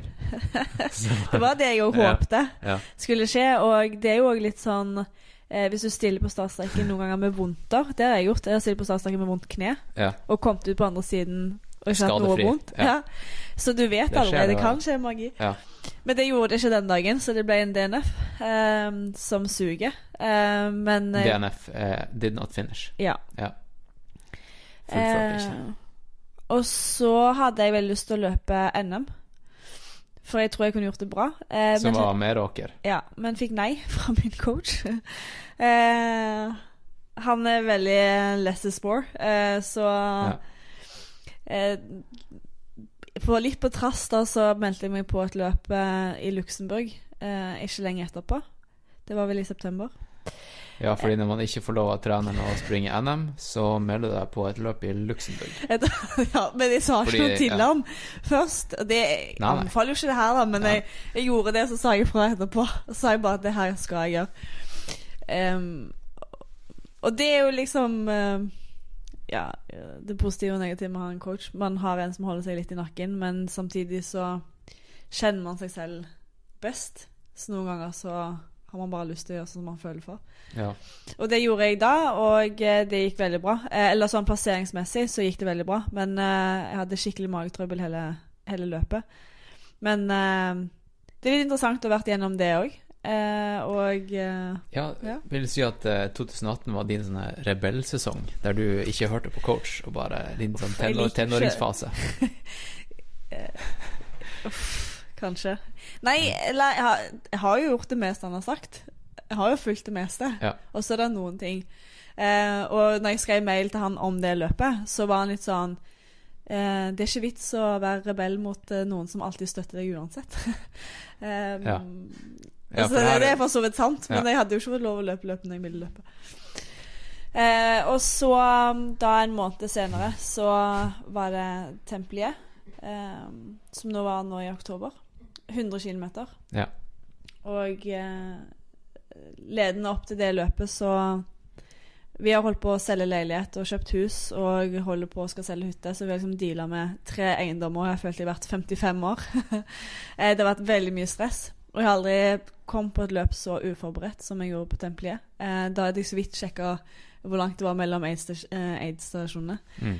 Eller checkpointsene. Eh, men eh, det var egentlig deilig. Jeg eh, tok det som det kom, og eh, det gikk jo veldig bra. Jeg eh, kom på fjerdeplass der, og når det var 15 km igjen, så var det 30 minutter opp til tredje. Og jeg løp jo forbi tredjeplassen, eller tredjeplassen, em, rett før mål. Eh, men så hadde du mer krutt enn meg. Så når hun så at det var jeg som kom forbi, så satte jo på motoren og tok det. Så da kom jeg i mål eh, to minutter etter henne. Dæven, var det surt? Eh, ja, nei, jeg hadde jakta hele dagen. Eh, eller fra når jeg skjønte at det her kan gå bra, så begynte jeg å jakte. Mm. Eh, og det var utrolig gøy å være i den posisjonen hvor jeg hadde selvtillit nok til å, å gjøre det, og òg form til å gjøre det. Ehm, og når jeg fikk beskjed om at eh, hun ligger 30 minutter foran deg, så tenkte jeg ja, men faen, jeg, jeg tror jeg kan klare det her. Og bare det å vite at det, det kunne jeg. For jeg, jeg tok henne igjen. Jeg løp jo forbi henne. Men eh, så har jeg aldri vært i en posisjon hvor jeg faktisk kan eh, ta en plassering på taktikk. Og det kunne jeg ha gjort her, fordi det var flere distanser ute i banen. Så eh, det eneste måten du kan se at det er konkurrent på, er ved farge på eh, Startnummeret? startnummeret. Ja. Og eh, så eh, sto hun nesten helt stille sammen med to andre som hun var med. Eh, og så skjønte jeg bare idet jeg kom liksom opp mot henne at fader, der er tredjeplassen. Eh, og da hadde vi kanskje en kilometer igjen til mål. Eh, og eh, da stressa jeg sånn at jeg løp forbi henne i et sinnssykt tempo. Og så klarte jeg å snu nummerlappen min feil vei, så jeg snudde den altså bakover istedenfor fremover. Sånn at da så hun at jeg var, jeg, jeg var hennes konkurrent. Oh, ja. Og da satte hun opp eh, farten. Så altså, sånn sett så er det jo helt fair, for hun var der og da så var hun bedre Ja, enn meg. Eh, men eh, jeg, hvis jeg hadde vært smartere og hatt litt is i magen, så kunne jeg tatt det. Eh, men det er sånne ting man tenker over i etterkant. Og så Ja. tenker jeg at eh, den dagen var suksess uansett. Eh, og jeg lærte mye, og jeg fikk mye selvtillit av det løpet. Så nei, all in all så er jeg fornøyd med sesongen og gleder meg enda mer til neste år. Mm. Da, Hvis det er noen som kan høre noe, hører dere det her? Ja. Det her er en, en sånn lyd som jeg ikke får fjerna her i studio. Og det er kjøleskapet som eh, bare begynner å pipe. Jeg fikk fjerna det der eh, rørsystemet. Jeg sover så ufattelig godt om natta nå. Det er liksom Jeg blir ikke vekt av at det smeller i rørene. Så takk, eh, takk rørlegger Terje. Eh, Han viser seg forresten å være en skøyteløper. Så eh, jeg tror jeg fikk litt rabatt. Fordi du har vært skøyteløper? Nei, fordi jeg husker han fra, fra Valle Hovin, fra liksom gamle skøytedager. Liksom, Da han kom inn døra, så sa jeg bare 'Du er skøyteløper, du'. Han bare 'Stemmer det'? Og det her er jo sikkert åtte år siden han, jeg har sett han. Og åtte år siden Da var jeg kanskje 20 år gammel, ikke sant? Og jeg husker spesifikt at han sa til meg at hver morgen så brukte han å kverne linfrø i kaffegrinderen sin. Eh, og eh, ha det i, eh, i frokostblandinga si. Fordi linfrø det blir bedre tatt opp enten om du grinder det, eller om du soaker det i vann. Takk, Terje, for den kunnskapen eh, der. Shout-out til Terje Rørlegger. Som kanskje er på Valle Hovin nå og dunker runder. Han er en av de klassiske rundt og rundt og rundt-gåerne. Ok, Erika, din tur. Hvordan har året ditt vært? Er du ferdig med året? Er du ferdig med racing? Jeg er ferdig med racing, men Ja, ja. året er jo ikke helt ferdig ennå, Nei, da. nei, nei, du, du springer i marka. Ja, jeg gjør det, Ja. du. Eh, nei, jeg syns det har vært fint. Fylt av både masse sånn uh, hverdagsprosjekter og Må du holde mikken eh, ordentlig igjen. Ikke ta på det liksom fest. Der, da. sånn. Bra. Ja. Ser det bra ut? Ja. Ehm, kanskje litt Litt sånn som det Molly sa, da. Eller kanskje jeg trente eh, Det var første gang i fjor at jeg trente litt mer strukturert. Ja, Eller målretta, fokusert for å kunne prestere i race? Eller Ja, jeg er målre. Jeg er i hvert fall litt mer strukturert i form av at jeg hadde en litt sånn tanke om hvordan jeg skal trene, på en måte. Ja. Um, hva slags uh, type økter og sånn jeg skal ha, da. var det etter at du begynte å henge litt mer med Skyblaze? Ja, ikke sant. Ble, ble, ble inspirert av folk rundt seg, da. Ja. Lære av de beste. Ja. Um, og jeg tror nok uh, i år at jeg fikk uh, utdeling for det. Ja. Og det er jo veldig gøy. Ja. Så ehm, eh, Du, vi kickstarta jo året sammen med Ja. treningsleir. Ja. Vi eh, farta jo fra snøen i Oslo Ja. eh, for å kunne løpe litt på barmark Ja. til Bornholm i Danmark, som er en fantastisk liten øy. Ja. Eh, veldig mye god mat, og veldig mye Dæven, det er mye god mat der. Ja, det er mye god mat. og veldig flott, fint sted. Ja. Ehm, men der var det altså snøstorm, Det er, så vi vi kom kom fram. oss nesten ikke fram, nei. Så det var ganske kaotisk, hele greia. um, Men det var jo faktisk en sånn her eh, fysisk en av de tyngste og beste treningsleirene jeg har vært på. Altså sånn de, de øktene vi hadde i snøen der, jeg bare husker Det bare setter seg. Dere vet de her øktene som bare setter seg som sånne knagger man tenker på når man er i race. Mm -hmm. Så de her jævlige øktene. En av de øktene der, dæven, de satt. I liksom der, der vi sprang i motvind og liksom vannrett sludd, og du bare hata livet i flere timer. Du ville bare tilbake til Airbnb-en der du visste at Ja, peisen er på, Peisen er på, alt, ja. ovnen, eh, ovnen er på. Ja. Man hadde ikke snakket så fint da om den turen og de øktene, da. hvorfor det? Men det var jo veldig, var jo mye, det var jo veldig mye kul, kul sti der, da. Ja, det var helt, derfor vi dro dit. eh, Det er jo dritfint på Bornholm. Ja, ble Ja. veldig, veldig positivt overraska. Shout- Shout-out til Bornholm. Ja, absolutt. Og han eh, Jeppe, Airbnb-hosten vår, som den- bare var sånn, Dere vet sånn typisk eh, Du kan jo beskrive han, hvordan det var da vi kom dit. Vi kom dit på natta. Ja, for vi kom dit. Jeg lurer på om dere kanskje kom bitte litt før oss. Ja, det kan være. eh, men han var jo en ganske sånn jovial Ja, type. Se for dere liksom en sånn typisk danske. Se for dere en danske. Hva, hva dere du dere tenker da? Han liksom 1,90, eh, stripete eh, T-skjorte, sånn eh, svart og hvit st- striper, og stor ma ølmage, og eh, skalla, og bare et stort smil, og bare gir deg en svær bamseklem når du kommer, og bare begynner å bable i vei, og du skjønner ikke en dritt. Og så sånn, var det litt sånn, for jeg lurer på om de hadde noen gjester når vi kom. Det noe sånt. fest, ja. Ja, ikke sant. Så det, alt var bare sånn ja ja, ta dere til rette og Ja. Og den gryta de hadde igjen Ja, ja. av eh, masse mat. matrester, den var der under hele treningsleiren. Bare sto på benken og bare begynte å sakte, men sikkert fermentere. Overflod. Ja. Ja. Så um, Men Bornholm var eh, fantastisk. Eller jeg kosa meg jo egentlig maks, da. Vi fikk uh, løftet masse fine stier. Både litt i sol òg, da. Uh, men Ja. også i litt sånn piskende vær, da, kan man si. Em, men det var kanskje da jeg løp mest, for jeg har kanskje gått mest på ski i vinter. Også ikke langrenn. ja. Ja, for det var jo så sykt fint føre. Mm. Og så dro du dit, og så sprang du eh, fyr til fyr. Fyr til fyr. Du avslutta hele turen med den Med å nesten grine, for jeg var så sliten med, Ja. fra fyr til fyr, ja. ja. Ja, det var en kul tur der, da. Ja. Gjennom alle de små stedene. Så det, det var fint. Mm. Og så var vi vel eh, en eh, Ja, jeg hang meg jo på til eh, Kristiansand. KRS Ultra. KRS Ultra, Ja. en 60 km. Der var jeg og Ingrid også. Mm. Ja. Mm. Eh, og det gikk bra. Den var jo gjort om løype. Ja. Jeg er jo Jeg løper da mest på eh, sti, så jeg var jo litt skeptisk til løypa. Fordi det var mye mer asfalt, og det er ikke jeg så veldig mye vant, eh, vant til å løpe Ja, for det var et snøår, så de la om løypa. Ja. Men det er utrolig eh, shout-out til de, holdt jeg på å si, at de Ja.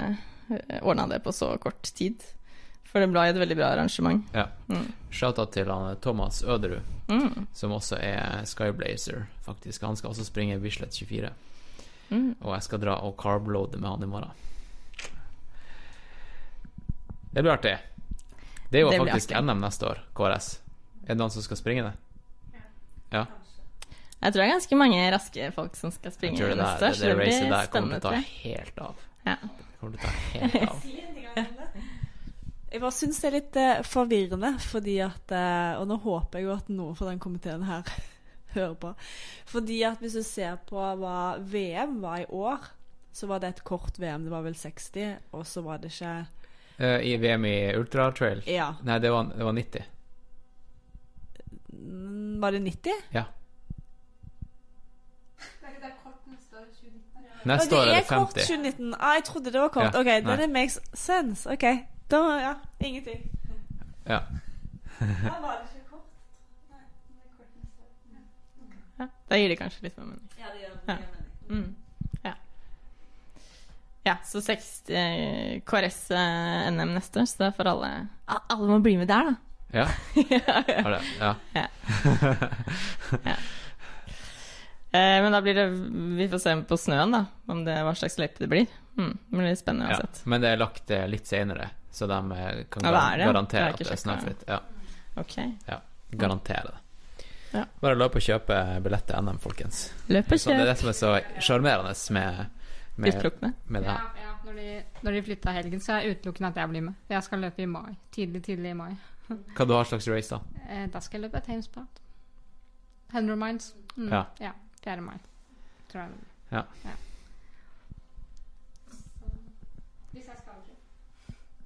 Kult. Ja. ja, vi får se. Eh, ja, og så slang jeg meg på noen litt kortere løp. Så jeg løp eh, Eller kortere løp, alt er relativt. Eh, Romeriksåsen på langs, som er en 50 Ja. km. RPL. RPL. Ja.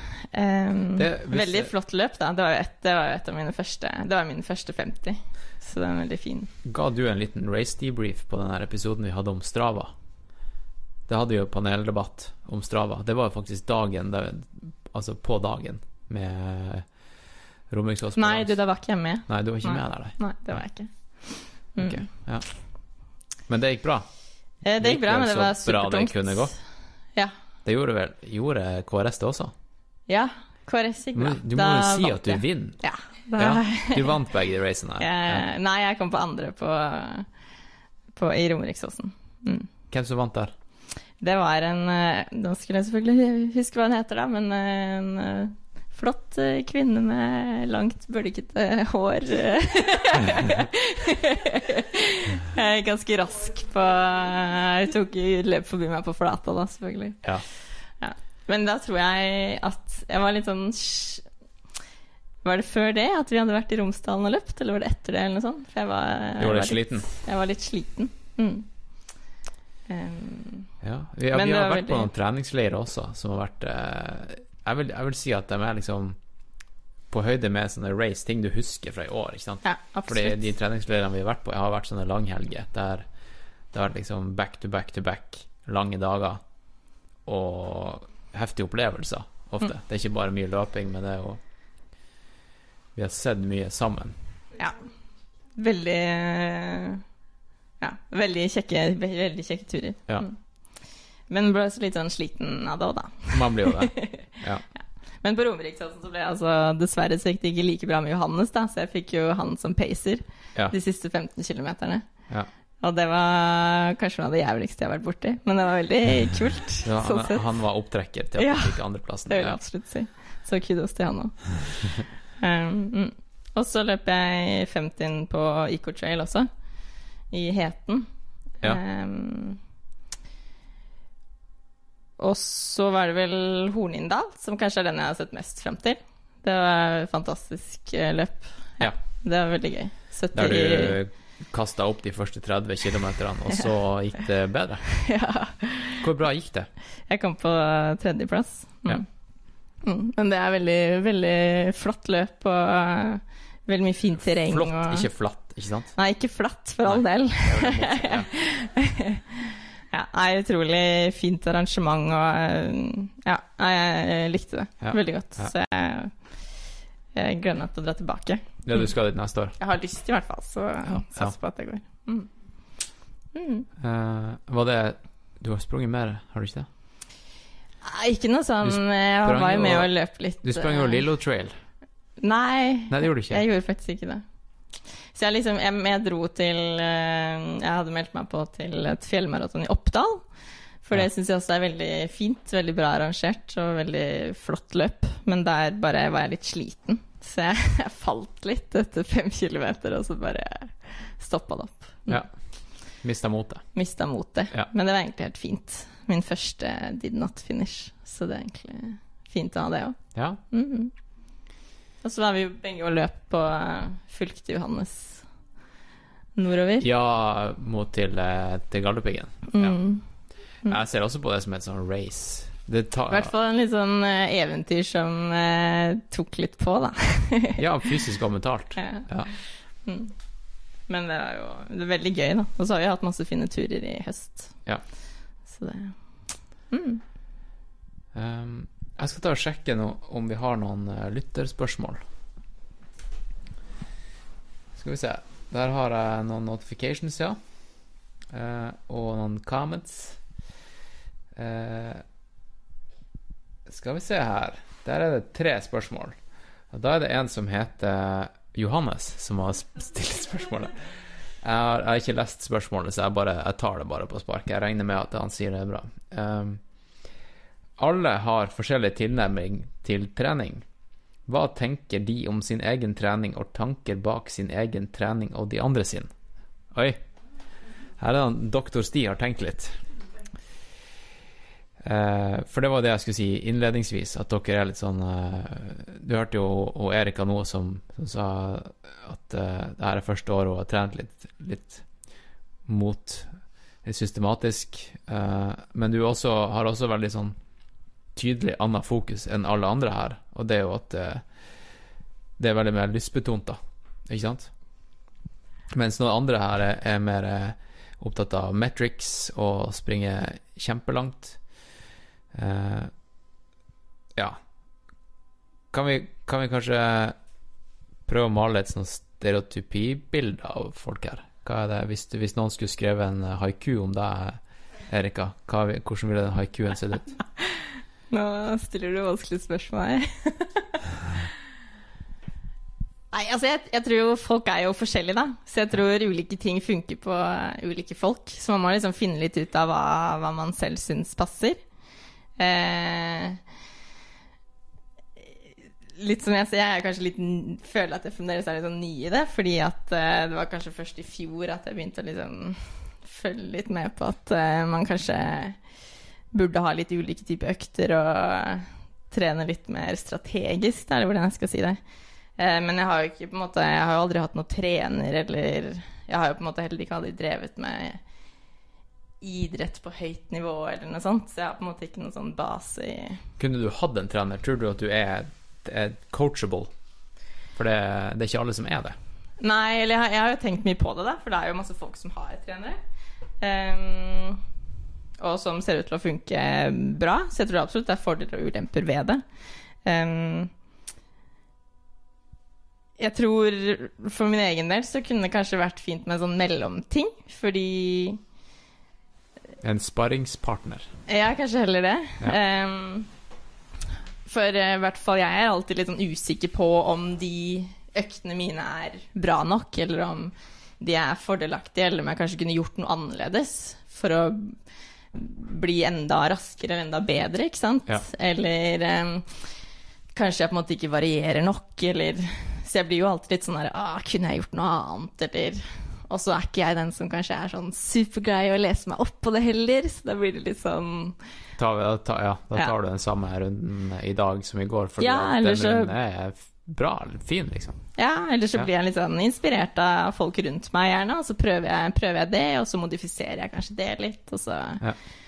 mm, Så jeg tror nok kanskje en sånn blanding av um, I hvert fall kanskje mer input på de Ja, kanskje intervaller og eh, litt sånn raske økter, da. Ja. Kanskje de nøkkeløktene. Fordi du, Mm. du sa at du ble tatt igjen på flata på Ja. Romeriksåsen på langs. Ja. Da du var ferdig med Romeriksåsen på langs, tenkte du da jeg, Hvis jeg bare trener på flatløping, eh, så hadde jeg kanskje vunnet det racet, eller kanskje jeg vinner neste år.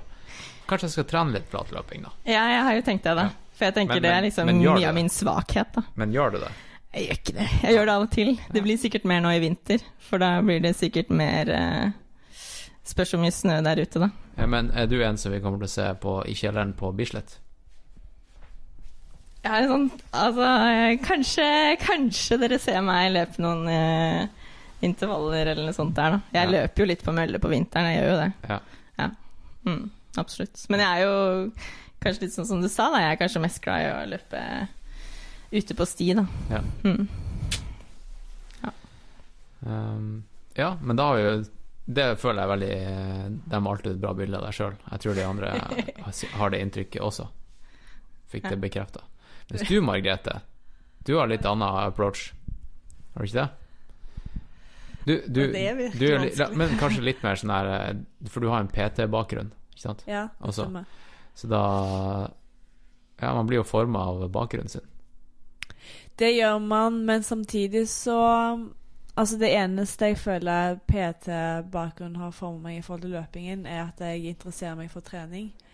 Eh, mens eh, jeg starta som sagt ikke å løpe før skikkelig, da, før 2015, hvor jeg hadde mitt første 45 km løp. Eh, og det var jo når jeg møtte min samboer, og eh, da hadde jeg jo ikke løpt før så mye. Eh, så jeg kan bare synes det er interessant å lese om det fysiologiske og sånne ting. Men annet enn det så føler jeg ikke at eh, PT har så mye å si for, for den biten.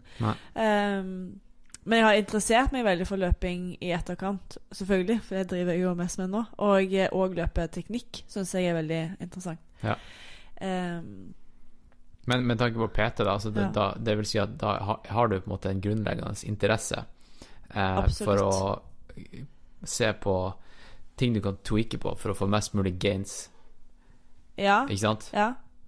Det er vel Eh. f.eks. For eksempel styrketrening, da. At du, tenker liksom Hvis jeg bare tar litt mer eh, i, eh, i eh, front squats, så kanskje jeg kan eh, løpe én time raskere på det her racet. Jeg skulle ønske at jeg kunne sagt ja til deg nå. Fordi tingen er at det er min eh, Min treningsbakgrunn er veldig eh, ikke allsidig, men, men mer allsidig enn løping. For jeg starta jo å danse, og så gikk det over på styrketrening. Ja. Så jeg har trent mer styrketrening enn jeg har løpt. Men idet interessen min for løping økte eh, Jeg vil ikke si at det er styrketreningsinteressen dabba av, men treningen, styrketreningen i seg selv, dabba veldig av for min del. Eh, så nå er det sånn Jeg trodde aldri jeg skulle bli den personen, men jeg må pushe meg selv til å trene styrke. For jeg vil bare løpe. Ja. Eh, ja. Så, Men hvis jeg skal prøve å tegne et bilde av meg selv eh, sånn som jeg trener nå, eh, som jeg syns er veldig vanskelig, så føler jeg ikke at jeg har funnet helt min eh, ting enda. Eh, og det er kanskje fordi jeg er litt mer opptatt av, eller har vært litt mer opptatt av å høre hva coacher har å si, enn at jeg faktisk bare skal stole på hva, hva jeg selv kjenner er rett for min kropp. Bruker det å være det samme, det du kjenner og det de sier? Ja. Så det er gut feelingen du bruker liksom du får, får bekrefta av treneren? Nei, og sånn, ja, nå misforsto jeg spørsmålet litt. Eh, nei, egentlig litt motsatt. Eh, og så er det noen ganger da hvor jeg prøver å kjøre litt mine egne greier, og så viser det seg at det kanskje gir mer uttelling. Mm. Men så, i og med at jeg har hatt coach fra starten av, jeg har aldri bare løpt på egen hånd, så føler jeg meg litt Det høres litt negativt ut, og det er virkelig ikke sånn ment, men litt avhengig av det. Og klarer ikke helt å stole på egen magefølelse eh, i forhold til treningen, da. Ja. Eh, og eh, Ja, en del av det er fartstrening. Eh, men så må jeg òg si at eh, i starten, når jeg begynte å løpe, så så undervurderte jeg sånne faktorer som kontinuitet, f.eks. Eh, og det har jeg jo lært nå, og det er jo med hjelp av coach. Eh, som virkelig har klart å banke det inn at eh, kontinuitet er mye viktigere enn en sånne fancy økter. Ja. De kan se så fancy ut de bare vil, men med mindre du gjør løping kontinuerlig, så vil du ikke få den fremgangen som du ønsker. Nei. Så det som Erika sa, at det er positive og negative ting med å ha eh, Eller ikke negative, men ja, eh, ting med å ha coach. Og så må man på en måte veie litt opp hva som blir viktigst for en selv. Mm. Ja, så Jeg vet ikke hva mer jeg skal si om det. Men du skal flytte til uh, stranda nå. Ja. Det gjør du jo, hvis jeg forstår det riktig, fordi at det er fjell der.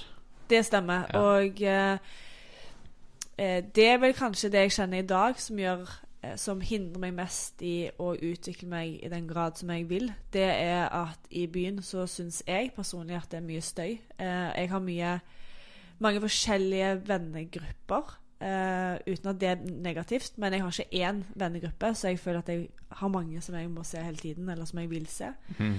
Uh, og så er det at jeg har en jobb som er eh, sånn sett krevende for kroppen, fordi jeg står og går på murgulv åtte timer hver dag.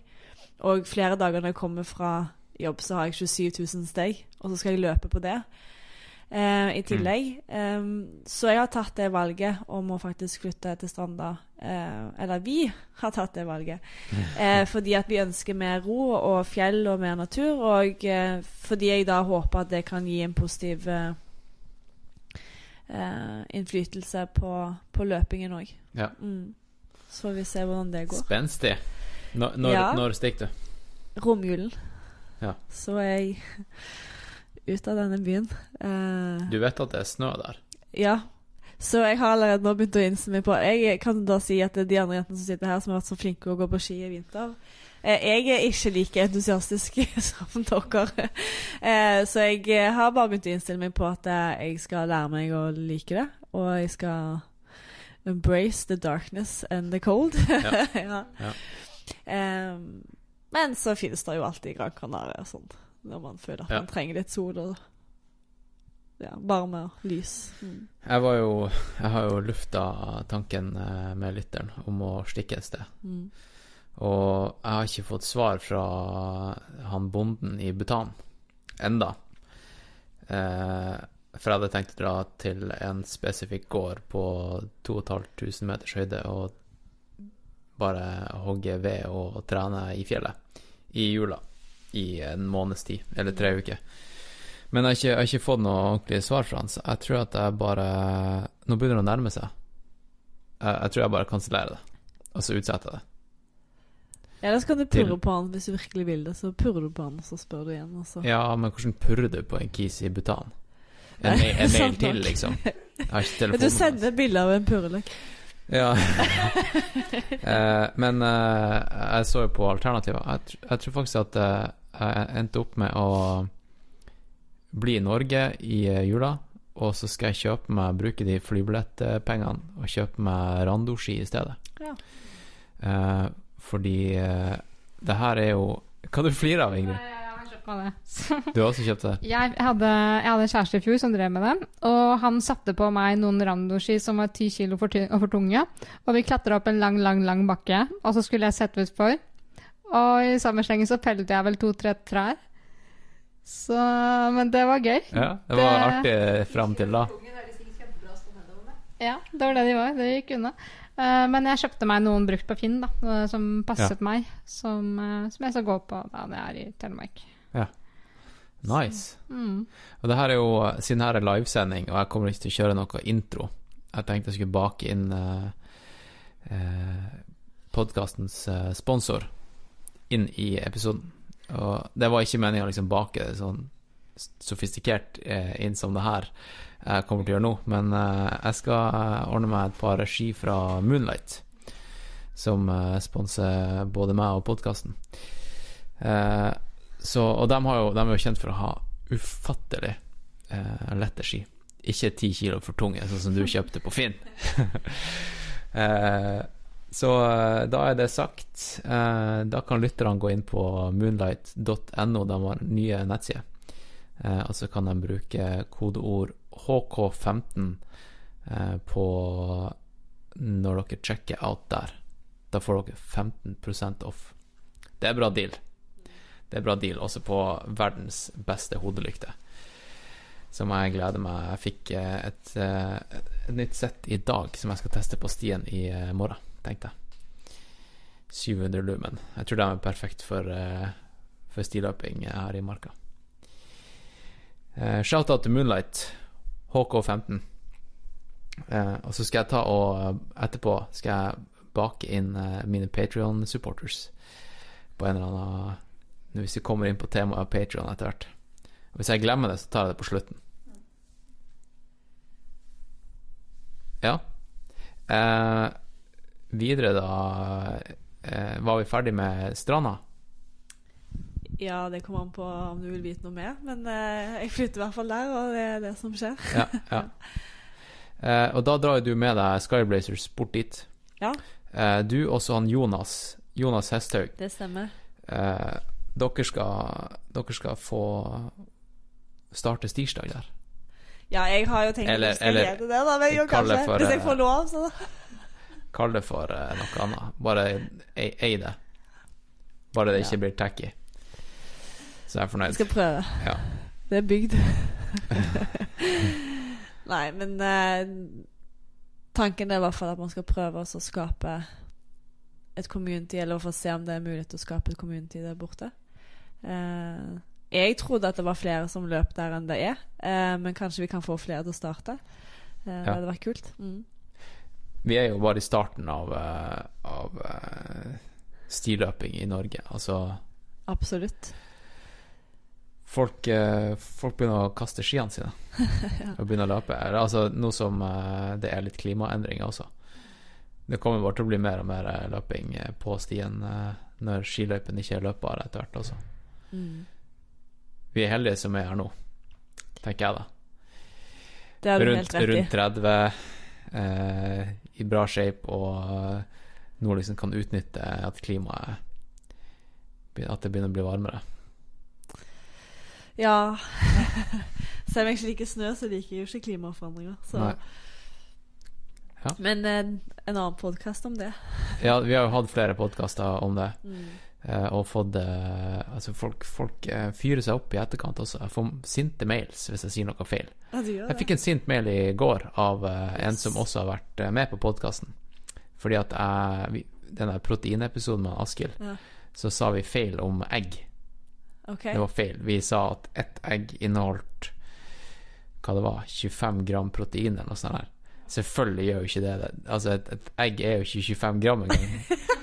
eh, eller det er det kanskje, men eh, jeg, jeg tror det var bare Jeg tror vi snakka om liksom per 100 gram eh, hvor, mye, Ja. hvor mye proteiner det var i et egg, mens vi eh, Ja, vi tok i hvert fall helt feil. Så jeg legger meg flat. Jeg legger meg flat eh, Og man skal passe seg i dag Ja. på hva man sier. Folk Ja. kan bli krenka. Eh, Kødda. I- Ingrid, du er jo, du er jo eh, en litt Kanskje den som er mer en sånn far out approach. Ja, det kommer litt an på hva du siden du springer såpass flatt, da. Um, At, at det er Ja. mer den der eh, bevegelse Bevege seg generelt over Ja. lang tid som er greia. Ja, Uh, treningsukene mine handler jo egentlig mye om mengde. Ikke bare løping, men generelt mye ja, trening i mengde, da. Um, mye bevegelse, rett og slett. Forskjellige typer bevegelser. Mest løping. Og det ligner egentlig ganske mye på barndommen min. Fordi jeg hadde en sånn barndom der jeg måtte være veldig mye aktiv for å kunne på en måte klare å sove og være rolig og sånne ting. da. Det husker jeg satt på skolebenken jeg begynte på skolen i første klasse og tenkte liksom Det her kommer ikke til å funke. Rett og slett. Fordi det, det, var noe, det var noe med det å på en måte ikke få lov til å være ute og leke og løpe og hoppe over ting og det, på en måte. Når noen sa at jeg skulle liksom bare sitte inne, eh, så ble det helt feil. Men, men det gikk jo sånn Det gikk jo greit, da. Men eh, jeg klarte liksom å ta meg en utdannelse. To utdannelser. Men jeg, liker, jeg har den veldig sånn behov for at jeg må ha mye bevegelse inn i hverdagen min. Og da er jo på en måte det med ultraløping helt perfekt, fordi Ja, ja, det er jo det sånn perfekt Ja, det er en, en, ja. idrett som krever mye trening, da. Ja. Eh, rett og slett. Ja. Og så altså, har jeg valgt et yrke da med en praktisk hverdag. sånn at det, hverdagen min ser veldig typisk ut. Stå opp sånn i, i fem-seks-tiden. Ja, fem-tiden hvis jeg skal løpe til jobb. Ja. Så løper jeg til jobb, og så spiser jeg frokost på jobb. Og så går jeg på jobb i åtte timer. og eh, trener pasienter og følger opp pasienter og er i bevegelse i de åtte timene. Og så løper jeg hjem, og så slapper jeg av litt, og så har jeg gjerne en økt til. Og hvis det er motsatt at jeg har kveldsvakt, da, så begynner jo ikke jeg før halv tre. Så da står jeg opp gjerne sånn i femtiden og spiser frokost, og så trener jeg gjerne sånn i sjutiden. Og så kan jeg trene noen timer på formiddagen før jeg løper på jobb, og så er jeg på jobb i åtte timer, og så løper jeg hjem. Så det er liksom sånn Ja, det er på en måte sånn typisk hverdagen min er, men jeg tenker at den jevne totalbelastningen sånn er egentlig ganske bra med tanke på ultraløping, da. ja. Ja. Jeg, jeg er vant til å holde meg i gang i mange timer. Har du trener? Jeg har ikke trener, Nei. men jeg, jeg får en del sånn Jeg holdt på å si har men, mentorer. Ja. ja. Ja, fordi jeg tenkte det, det må være veldig vanskelig å trene deg eh, med tanke på liksom, den hverdagen du har. Ja. Det er litt sånn. Så Ja. jeg har mer en sånn, på en måte en sånn struktur i forhold til hva jeg tenker at jeg skal gjøre i løpet av en uke. Ikke sant? En sånn ja. løs plan. Ja. Men så har jeg også Jeg har veldig så høy grad av spontanitet, og det må jeg på en måte ha i livet mitt. At jeg skal kunne gjøre hva jeg vil når jeg vil. Sånn som i går, da, så fant jeg på i firetiden at jeg ikke trodde På dagen? at jeg Ja, på dagen. At jeg ikke trodde at jeg skulle komme til å løpe Bislett. Det kunne vært i firetiden på natten òg, for jeg har av og til helt sånn sykt døgnrytme.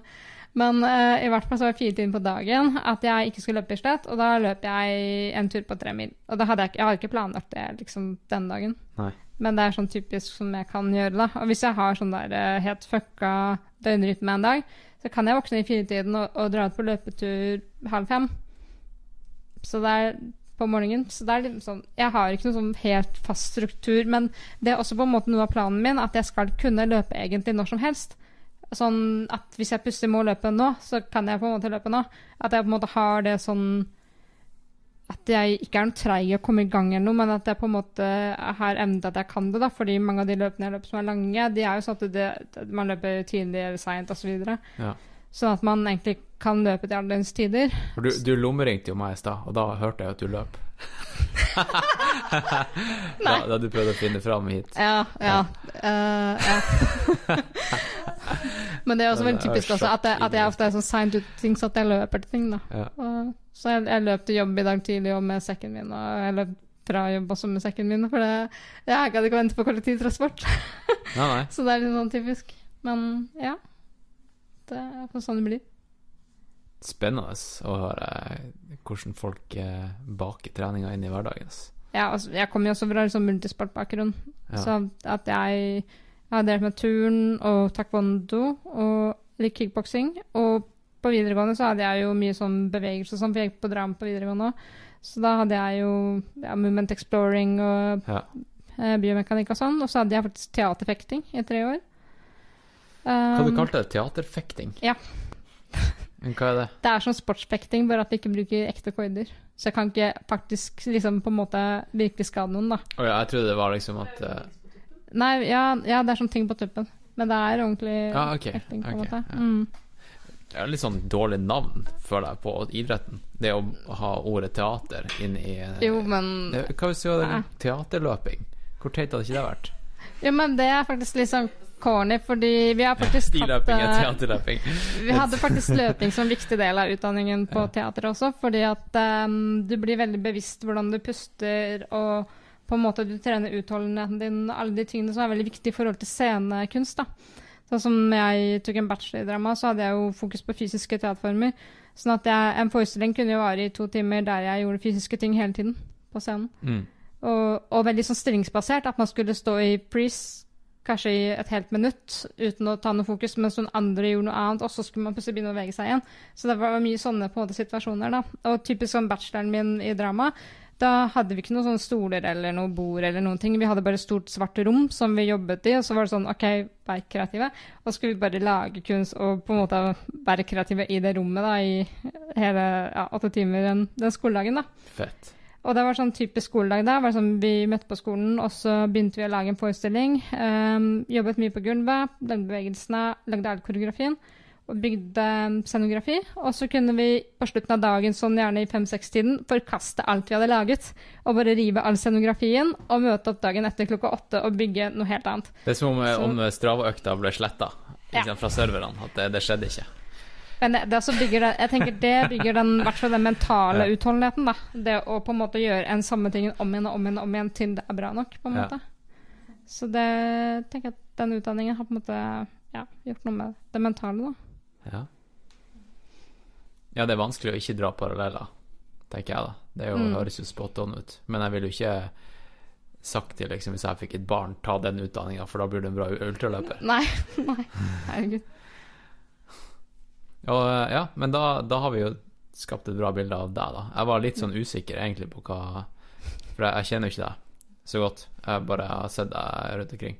Jeg så deg mange ganger på Bislett 24 i fjor, Mm, mm. men uh, snakka ikke så mye. Uh, Molly, da. Du har uh, Du springer jo i fjellet. Det er på en måte det som er uh, Ja, det er der jeg konkurrerer, men jeg bor Ja. jo i Oslo, da, som eh, de fleste andre her, da. Så jeg har jo de samme utfordringene sånn sett. Ja. Um, og så tror jeg jeg trener ganske annerledes òg. Um, Ja, få høre. ja. Få høre noen uh, ultra secrets. Uh. Eh, Nei nå, nå fikk jeg litt tid til å tenke på hvordan jeg skulle liksom beskrive meg sjøl, da. Ja. Og jeg er som person liksom ekstremt uh, målretta. Så hvis jeg finner ut jeg skal gjøre noe, så setter jeg meg og prøver å finne ut hvordan det er best å gjøre det. Uh, så det, jeg hadde nok en periode hvor jeg leste veldig mye om trening og på en måte prøvde å få en idé om hvordan det er best å trene og sånt. da. Ja. Um, om, I forhold til løping så tror jeg det er veldig mange som tenker at sånn, ja, ultraløping det, det er noe helt annet. Da må du trene liksom på en sånn spesiell måte og, ja, for, for å få det til. Men uh, jeg har egentlig dannet meg en idé om at det viktigste er å være i god form. Og så kommer liksom spesifisiteten etterpå. da Mm. At du må ha liksom langturer for å, på fjellet for å løpe det ultra. Men i bunn og grunn så handler det om å være i så god form, løpeform som mulig. da um, så jeg trener uh, i hvert fall to ganger i uka med en friidrettsgruppe. Ikke sant, for du springer mye flatt. Ja, så jeg Ja. springer mye flatt. Det er, Eh, ja, det er, ja. det er annerledes enn de andre fjelløperne her, føler jeg. At der differensierer du deg. ja. Du, du har på en måte en litt sånn uh, fundament på det flate fortsatt.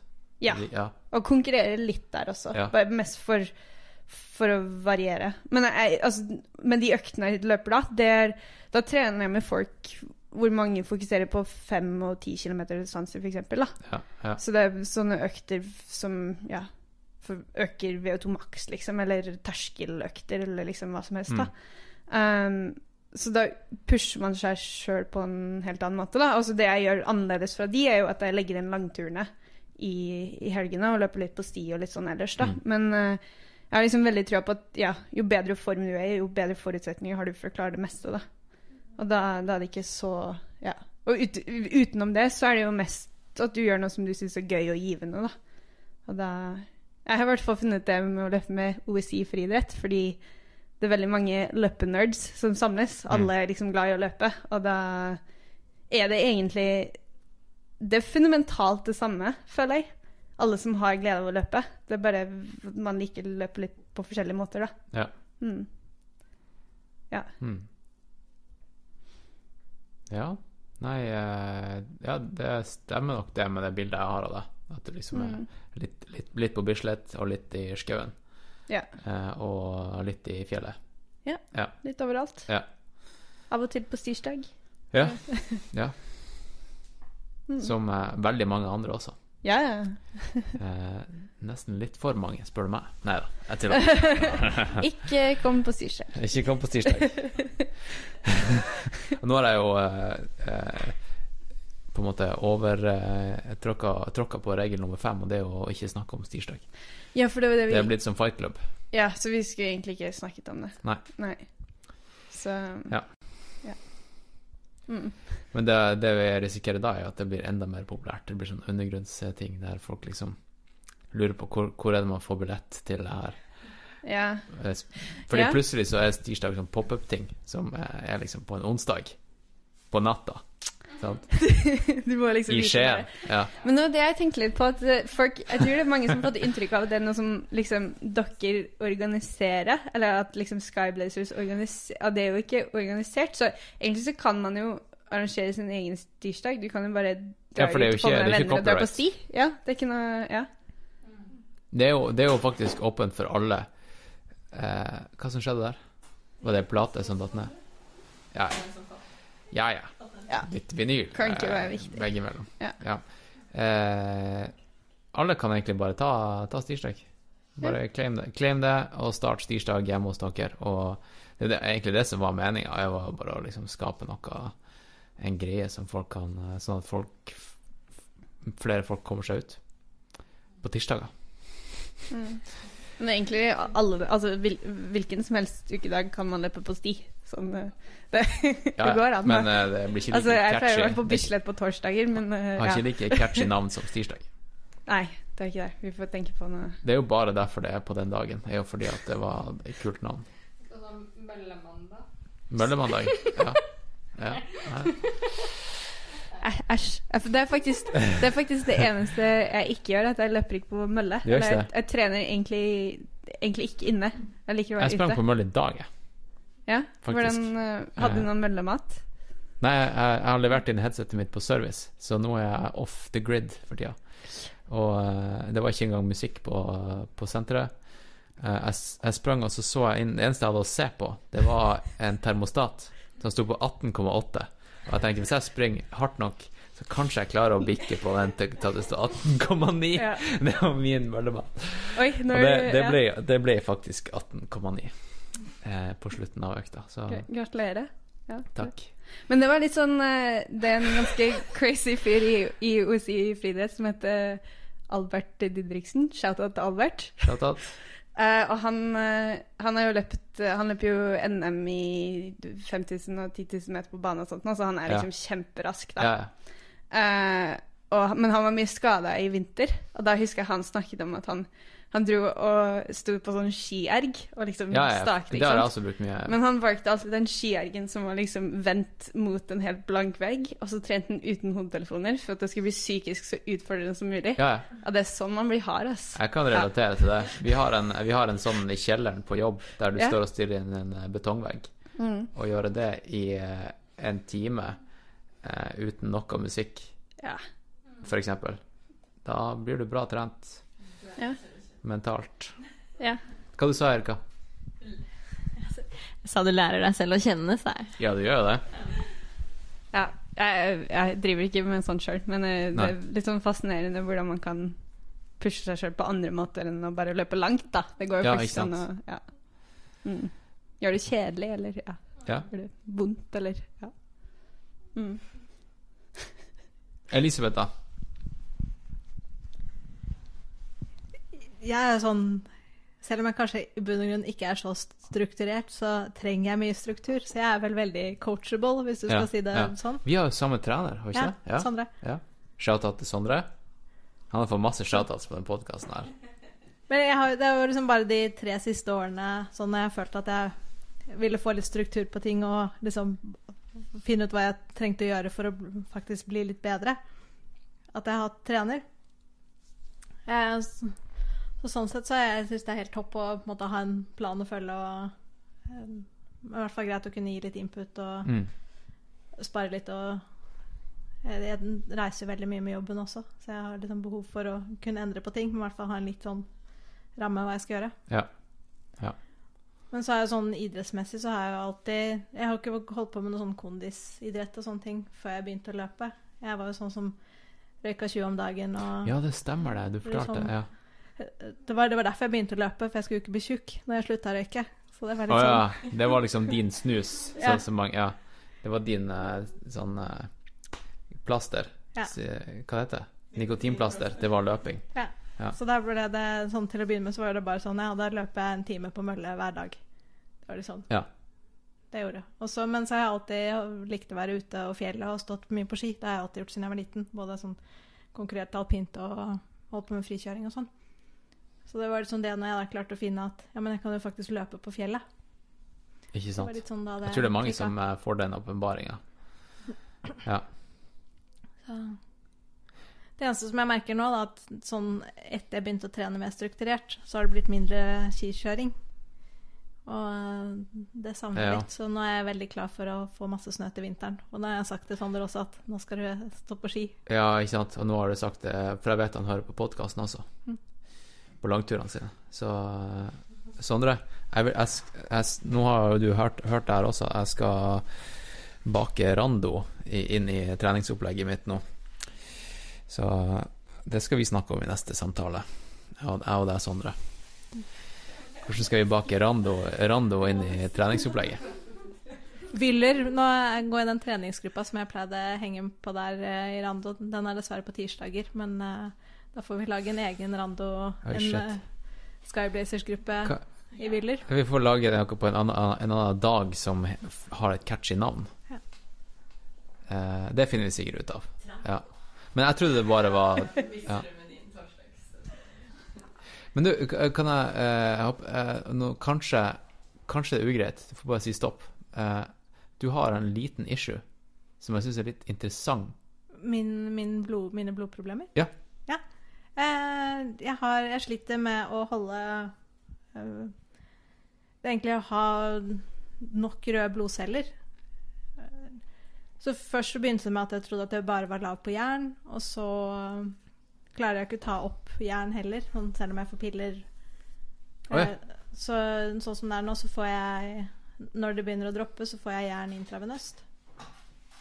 Rett eh, i Ja. åra. Og Ja. da f- begynner å lage røde blodceller igjen. Så det er noe som gjør at mine røde blodceller blir ødelagt, som ikke klarer å finne ut av. Og da har ikke jeg nok jern til å Jeg trenger så mye jern for å lage da nye, for å erstatte alle de som blir ødelagt. Ja.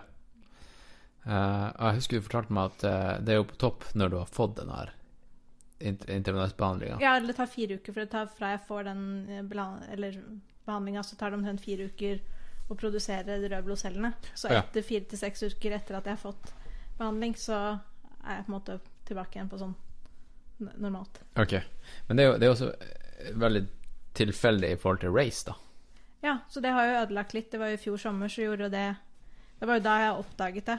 eh, For da var jeg så innmari lav at da fikk jeg jo forbud mot å trene og kunne ikke jobbe eller gjøre noen ting. For jeg var så lavt.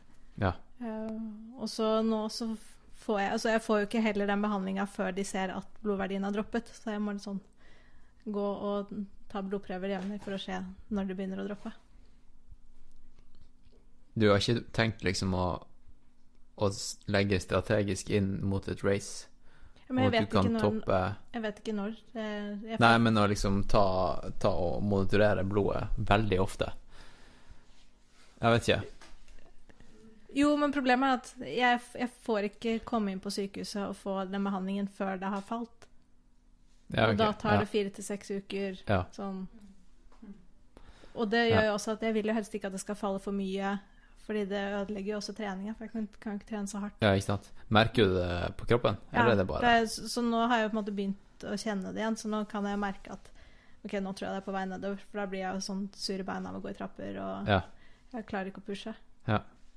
Hvordan, eh, hvordan tilpasser du treninga i forhold til det, da? For da Det er jo ganske interessant. Ta det, da blir det bare mer rolige Ja, økter. ja. For det, det går utover restitusjonen også.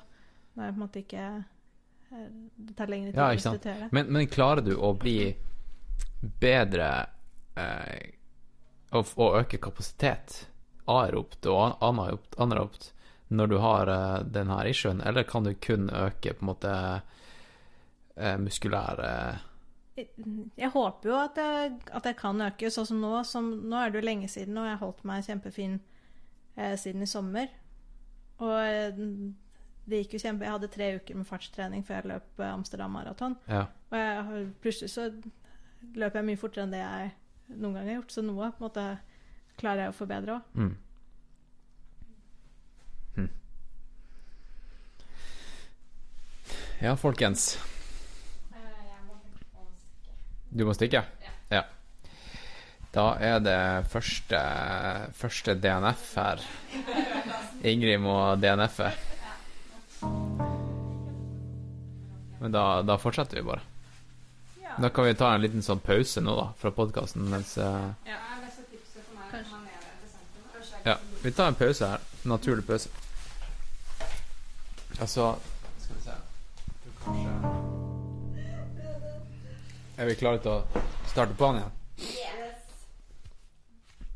Da tror jeg at uh, vi skal si til uh, vår, dem som ser på live, at uh, nå er vi tilbake igjen. Fordi altså, jeg ga jo ikke noen indikasjon på at det var pause. Så det var kanskje noen som tuna inn, og så bare så de at det var kaffeslabberas. Men det gjør ingenting. Nå er vi på'n igjen. Eh, akt to av denne eh, livesendinga. Og da tenkte jeg at jeg skulle starte med å gi en shout-out til mine patrions. Fordi, eh, som dere vet, kanskje dere vet, eh, så er den podkasten her og produksjonen av det hele Det er rett og slett finansiert av lyttere som er fans. Så store fans av podkasten at de har lyst til å støtte, støtte den finansielt med minst én dollar i, i, i måneden. Uh, og det jeg bruker å gjøre, dem som har, uh, som har signet opp på den her uh, Mest bang for the buck-pakken, de bruker å få en shout-out. Og det skal jeg gjøre akkurat nå. Og da går det i alfabetisk eh, rekkefølge her.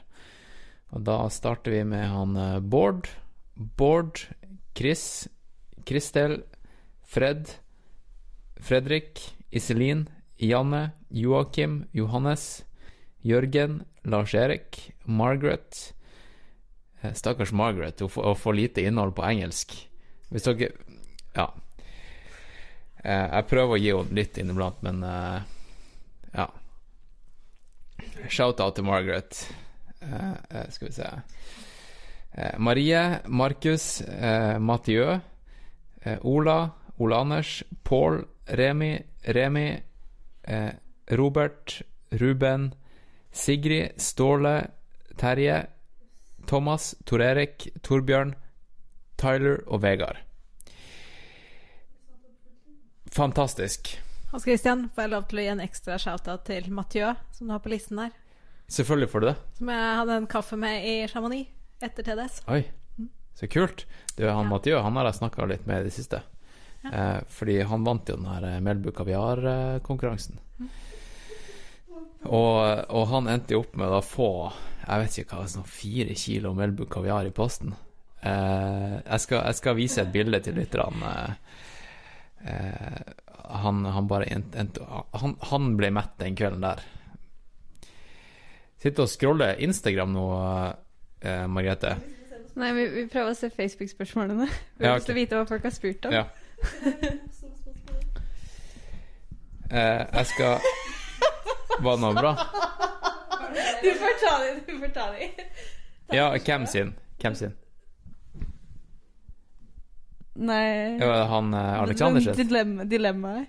Ja. Ja, ok. Eh, ok, dilemma fra Alexander. Shout-out til Alexander. Hva er verre? Å løpe naken på en veldig kald vinterdag, eller å løpe med masse vinterklær på en veldig varm sommerdag? Hvem vil starte? Jeg kan komme på med en gang. Det er verre å løpe naken kaldt, for jeg hater å fryse. Ja. Ja.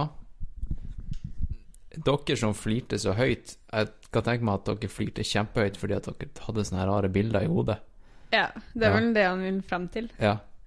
At, at man liksom løper naken i kulda. Men eh, Nei, jeg tenker jo sånn logisk at man, man eh, Det er verre å løpe naken i kulda, fordi det kan du få ordentlige frostskader av. da Men hvis du løper i masse klær på en varm dag, så ja, kanskje du svimer av, da. Det er kanskje verste, verste case, men jeg tror ikke du får noen varige skader, da. Nei. Så det var artig spørsmål, men ikke så artig svar. Nei, ikke sant? Ja. Beklager. Kanskje Margrethe er noe mer underholdende å på. Kanskje. Hvor lenge, hvor lenge må man løpe naken i kulden? Eller liksom, hva er kriteriet? Fordi sånn Er det en liksom kort svipptur, ikke i Oslos gater, så kunne jeg kanskje gjort det mer enn å kledd meg masse og løpe Western State. Da. Altså, en, en kort skiptur, det har jeg jo gjort, da. Så det, det er greit nok. Ja han, eh, han, eh, han som har nevnt mye på, på podkasten, han er eh, Wim Hoff, The Iceman. Han sprang jo, var det maraton, i Finland i sånn minus 20 i bare boksershorts og sandaler. Så det Det er kanskje litt ekstremt, da. Det Det Men er jeg litt tror hvis jeg- ekstremt, hvis jeg kunne ja.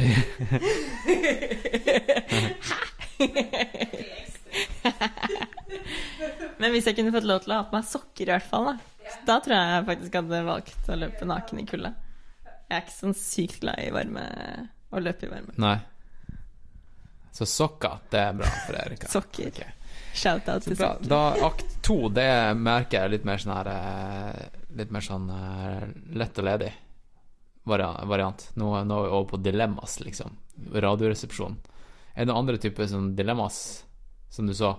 Var det noen sånne fjollespørsmål? Nei, det var ikke det. Det var, eh, det var to spørsmål som Alexander hadde. Han hadde et dilemma, og så hadde han et spørsmål hvor du sa Foretrekker dere å ha én til to dager per uke uten trening for å hvile kroppen litt, eller vil dere helst løpe hver dag? Ja, foretrekke og vil er jo to veldig forskjellige ting. Eh, Ja. Men nå vet du at han er jo ikke helt norsk. Molly er skeptisk til spørsmålet. Ja. Hva sa han er ikke helt norsk? Han er ikke helt norsk, så det kan være at han ikke formulerte seg ordentlig. Men dere skjønner hva han mener. Ja. Ja. Um, Ja, svar- svar personlig Ja. så vil jeg jo helst løpe hver dag, men jeg kjenner at kroppen min Jeg trenger hvile mellom slagene. Ja. Uh, og det henger kanskje sammen med det som jeg sa i. Jeg har en veldig travel hverdag ellers. Eh, så det blir spennende å se hvordan kroppen er når jeg forhåpentligvis ikke har så travel hverdag i Stranda. Ja. Men Hvordan som- blir hverdagen din i Stranda? Vet du det? Eh, godt spørsmål. Eh, jeg håper at det blir eh, rolig. Roligere. Eh, Fra dag én? Ja, ikke så mye farting frem og tilbake. Og, hvor man kan ta seg tid til å spise frokost. Og nå så føler jeg bare haster gjennom hverdagen. Men det tror jeg òg er meg som person i byen. Det er jo litt av det som gjør at jeg flytter. Og så tror Ja. jeg det, det, det er noe man må være bevisst på fra starten av. da Fordi jeg tror ikke at det automatisk blir rolig bare fordi man flytter fra byen. Jeg tror man må gjøre visse valg. Um, jeg er en person som alltid har hatt mye å gjøre, så det blir kanskje uvant å ikke ha det. Så da må jeg være bevisst på å ikke lete etter ting. For da havner jeg jo plutselig i samme situasjon. Jeg er også veldig sånn at uh, da, jeg, da jeg gikk ned i stillingsprosent, Mm. så ble var jeg veldig, det var veldig fort gjort å fylle de prosentene med Nettopp. noe annet. Mm. Sånn som eksempel podkast, som nå tar opp over 100 Ja. Det er jo egentlig en eh, Jeg tenker jo ikke over det, men det er det som er poenget. Jeg tenker ikke over at det her er jo en eh, Jeg bruker jo mer tid på podkasting enn jeg gjør på den 60 %-jobben min, f.eks. ja, ikke sant. Men, men det er ingen som, eh, som tvinger meg til det. Så hvis det er et par uker der de krever mer, mer trening av meg, så tar jeg det chill, liksom, på podkasting. Uh, og det, det er nice. Det er nice. Men, men ja, jeg kjenner veldig på den der at uh, jeg, kan, jeg kan ikke ikke gjøre noe heller. Jeg Nei. kan ikke drive dank. Det er ikke digg. Men eh, eh, lykke til med det, ass. ja, takk. Nei, men Det- sånn det er jo et prosjekt. Fordi, fordi, Eh. men det er viktig å kjenne på det også, og ha vært der. Og Mm. liksom prøve å, å se om det går an å fylle, fylle tomrommet med ingenting og være fornøyd med det. Fordi jeg tror hvis man klarer det, Mm, da har man oppnådd noe fantastisk. det tror jeg. Ja. Eh, Og det klarer man ikke i byen. Nei, i hvert fall ikke jeg. Ja, og det er det jeg jo tror. Eh, sånn som mitt liv er nå, så klarer ikke jeg det. Eh, så, og om jeg ikke klarer det oppe, så håper jeg at jeg kan- fylle tiden med trening. det er heller mer trening enn veldig mye annet på agendaen. Ja. Farting frem og tilbake. Det er spennende. Kanskje noen andre Ja. vil svare? Ja, på, eh, for spørsmålet var en eller to dager eh, Hviledager, ja. Ja. Eh, det går jo litt an Jeg gjør jo som regel det. Eh, tar, tar en dag eller to fri. Eh, eller fri, det, det var en sånn feil. Jeg syns egentlig det er hyggelig å løpe. Jeg kan også godt løpe fem, seks, syv kilometer i marka. Det for meg liksom ikke Det kan være litt hvile for meg også. Det må ikke alltid være en sånn superøkt, på en måte. Em, så det kommer egentlig litt an på hva jeg, hva jeg har lyst til. Men jeg pleier jo som regel å ta ha en eller to dager uten løping.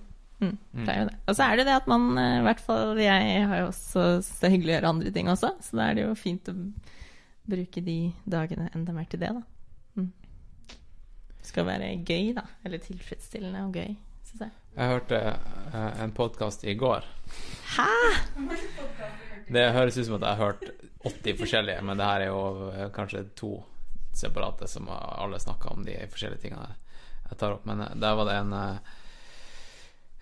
Det var snakk om Det var en som, som mente at all trening burde være gøy. All trening. Hvis det ikke er gøy, ikke gjør det. Jeg syns jo også trening kan være Det er mye jeg gjør som jeg syns er gøy, men det er mye også jeg, jeg gjør som liksom kan være tilfredsstillende, da. Eh, som, det er ikke sånn at jeg alltid liksom digger å på en måte pese oppover Grefsenkleiva, da, for eksempel. Nei.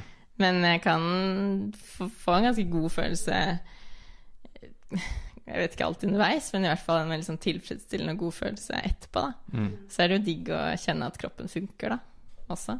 Ja. Jeg vet ikke hva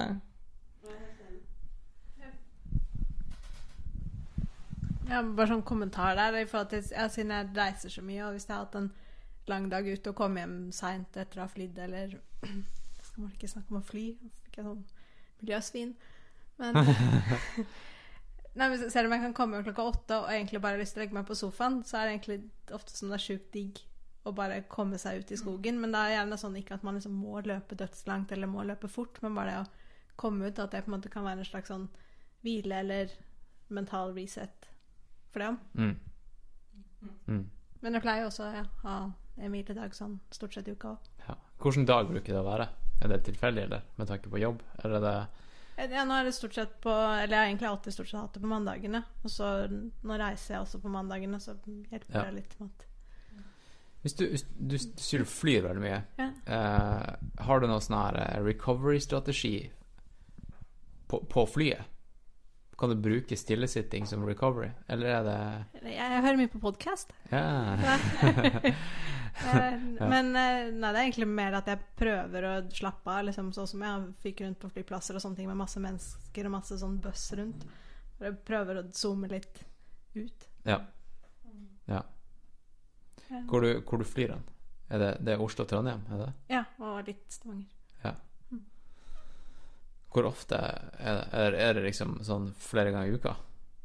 Ja, eller jeg er at jeg ukependler. Ja. Mm. Men hvor, hvor lenge har du gjort det? For det er liksom eh, hvor, hvor lang tid tar det å bli vant til det? Liksom, er det Nå har jeg gjort det i ja, i over tre år. Og så har jeg hatt noen perioder her, så Ja. det er på en måte en vane, det òg. Ja. Nei, det tar sikkert på, det også. Å fly. Ja. Hvor rask har, har du liksom utvikla en sånn her eh, rutine nå? Har du tatt tida liksom fra dør til dør? Fra, fra døra hjemme i Oslo til kontoret i Trondheim, f.eks.? Jeg tror det er sånn, det er vel sånn omtrent fire timer fra jeg står opp. Oi. Sånn, Det er bra. ja. Skills. Ja. Skal vi se på flere spørsmål. Eh, hva gjør dere eventuelt av skadefo- skadeforebyggende tiltak? Herunder styrketrening, mobilitet etc. Og hvordan holder dere på motivasjon til å trene over tid? Eh, vi har jo toucha inn på litt forskjellige saker her. Om f.eks. Uh, styrke. Eh, mobilitet er det noen som vil, eh, vil si noe der? Molly, du har mikken. Ja, ok. Ja. Jeg hørte jo på siste podkasten om, uh, om styrketrening. Ja. Jeg syns det er spennende og mye bra. Ja. Men uh, en ting som jeg mener ganske sterkt, da, at hvis, hvis man skal bli god til å løpe, da Ja. Så det, det er egentlig om å gjøre til å løpe så mye som mulig uten å bli skada. Ja. Så jeg syns egentlig at man burde prøve å trene styrke bare akkurat så man ikke blir skada, hvis du skjønner? At det ikke burde være et mål i seg sjøl. Nei. så jeg er liksom ganske opptatt Og derfor så trener jeg ofte lite andre ting i de periodene hvor jeg har mye mengde, f.eks. Ja, Ja, ja. Men, Men, det skjønner jeg. ja, Ja. Men det, det, det kom kanskje ikke bra nok fram, for deg for den styrketreningsepisoden at alt det, alt er fokuset på styrke, styrke Du vet, Mm. liksom, gå på gymmen og løfte. Mm. Eh, det burde man kanskje ha off-season, der man kan eksperimentere litt mer. Og så kan eh, den der eh, hverdagsstyrken, kropps... eh, eh, eh, liksom, kroppsvekt eh, og ja, alle de stabiliseringsøvelsene bare blir bakt inn i løpetreninga. Bare så mye du, du må. Men Ja. ikke sånn at det tar fokus. Så mye, så ja. mye du må. Ja. Ja, nei, det, Men det er et godt poeng der, altså. Så ja, Ja. prøver egentlig å unngå det. men, Ja. men, jeg, men jeg er liksom i en periode, sånn som du sier, da. Nå, den perioden her på året så trener man ikke fryktelig spesifikt og ikke fryktelig mye. Mm. Uh, så da prøver jeg å trene litt syk òg, for jeg prøver å være litt føre var. For jeg er liksom litt redd for at jeg lever på lang tid, hvis du skjønner. At man tenker sånn Jeg har ikke vært skada på tre år, si. Og da Ja. begynner man å tenke sånn Shit. Alle andre blir skada. Hva, hva, hva hva er det jeg gjør riktig, liksom? Eller feil, eller ja. Plutselig så smeller det. Ja. Du vet jo aldri. Men Det er vel noen løpere som bare generelt aldri er skada heller, da. Ja. Jeg har vært, de, gangen, de få gangene jeg har vært litt skada, så har det vært i forbindelse med veldig rask opptrapping i mengde. Ja. Så det er liksom det de snakker om, sånn 10 %-regelen og sånt. Og ikke som, som vil si, for de som ikke løper så mye, at uh, man ikke skal øke hvor mye man løper med mer enn 10% per uke, enten Ja. i timer eller kilometer. Og det er jo en veldig forsiktig regel, men det er jo noe med at hvis du ikke Hvis du plutselig løper dobbelt så mye som du er vant til, så er det veldig fort gjort å pådra seg en skade. Ja. Og det tror jeg folk blir gira når de begynner å løpe. De blir liksom sånn Shit, dette er gøy. Nå skal jeg løpe masse mer. Eller hvis de leser ei bok, og så plutselig kaster de skoene, Ja. eh, og så finner de ut at det var kanskje ikke så lurt å kaste de skoene. I hvert fall ikke hvis det er snø på bakken. Nei. Ja. Erika sier så lenge du har sokker. ja. ja. Margrethe. Ehm, mye enig med Molly, og eh, personlig så har jeg jo vært mye skada. Og det var nok fordi at jeg gikk fra å ikke ha løpt ever til å løpe ultra. Ja, nettopp. ja. Jeg har aldri vært innom sånn Det gir mening. Ja, de gjør det, men det òg i forhold til det som Molly sa, så er det jo liksom hvis du ser på en person som går fra å trene ingenting til to dager i uken, eller løpe, da, ingenting til to dager i uken, så har du økt med 200% Så det er litt vanskelig med den 10 %-regelen òg. Og eh, jeg tror, sånn som du òg sa, at eh, noen blir bare aldri skada. Og så er det noen som er litt mer utsatte av forskjellige grunner. Men sånn som nå, bank i bordet, så har jeg ikke vært skada på halvannet år. Og eh, jeg tror eh, mye for min del handler om at jeg varierer veldig mye hvor jeg løper. Jeg òg løper mye flatt. Eh, jeg løper mye sti. Jeg løper for det meste sakte og skulle ønske jeg løp raskere oftere. Eller hadde mer av de øktene, så kanskje det blir mer sånn i 2019. Men at man i hvert fall varierer, varierer tempo, varierer hvor, underlag. Mm. Um, og så i perioder så gjør jeg mye yoga hjemme. Um, og så er jeg tilbake inn i styrkerommet nå. Mm. Ja. Det- Er det noen som gjør noe klatring? Eh, Ingrid snakka om klatring og, og sånt. Er det noen buldrere her? Jeg egentlig aldri klatret noe i forhold til løpingen. Det har vært mer at jeg har eller jeg har hatt klatring på en måte som hobby som har tatt opp mye tid. Ja. Men da har jeg løpt mindre, så det har liksom ikke vært sånn i forhold til med skadeforebygging. Mm. Mm. Ja, Erika, du liker å dykke. Ja.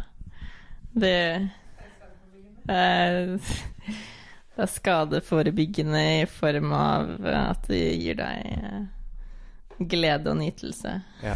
Ja. Ja. Nei, jeg er nok eh, Jeg syns nok ikke det er så gøy med styrke. Eh, Så eh, Dessverre, da, så gjør jeg kanskje mest Tar jeg fram disse strikkene og gjør disse øvelsene kanskje først og fremst de gangene jeg merker at det er noe som kanskje ikke er helt som det skal, da. Mm. Em, men samtidig så har det jo som regel gått bra.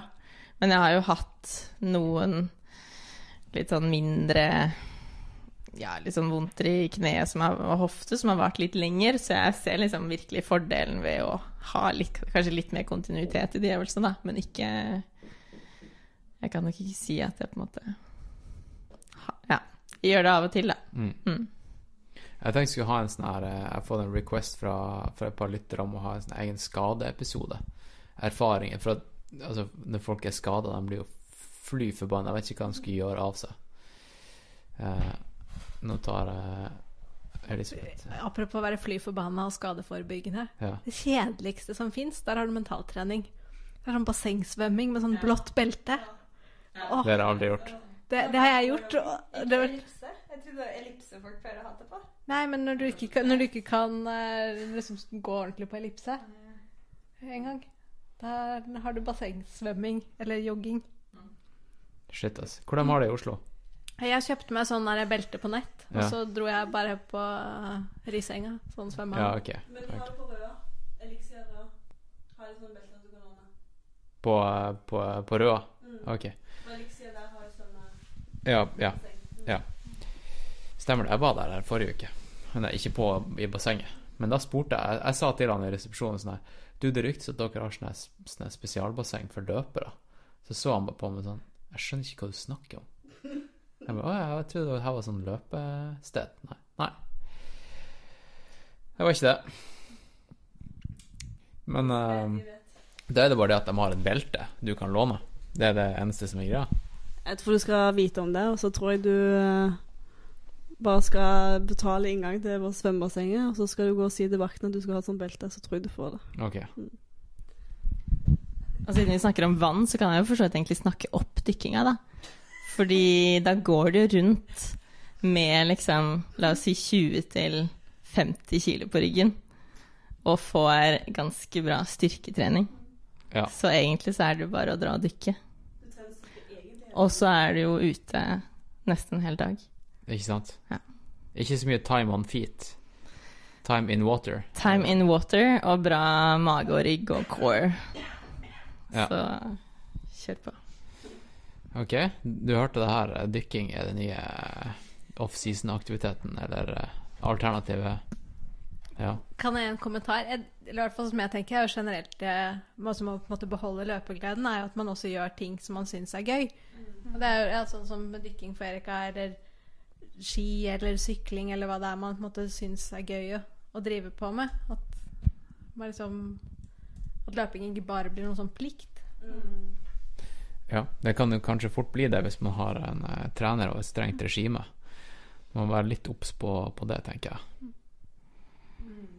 Det Hva du sa Jeg sier at det kan jo òg bli sånn i en travel hverdag, fordi i perioder hos meg så kan det kjennes ut som at ting som skjer i hverdagen, det må bare sjekkes av, Mm.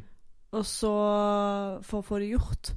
Eh, og løping er ikke sånn for meg i det hele tatt, og det gir et avbrekk, og det er alltid veldig deilig å komme ut. Men sånn på forhånd, i sånne perioder, så kan det kjennes litt sånn ut.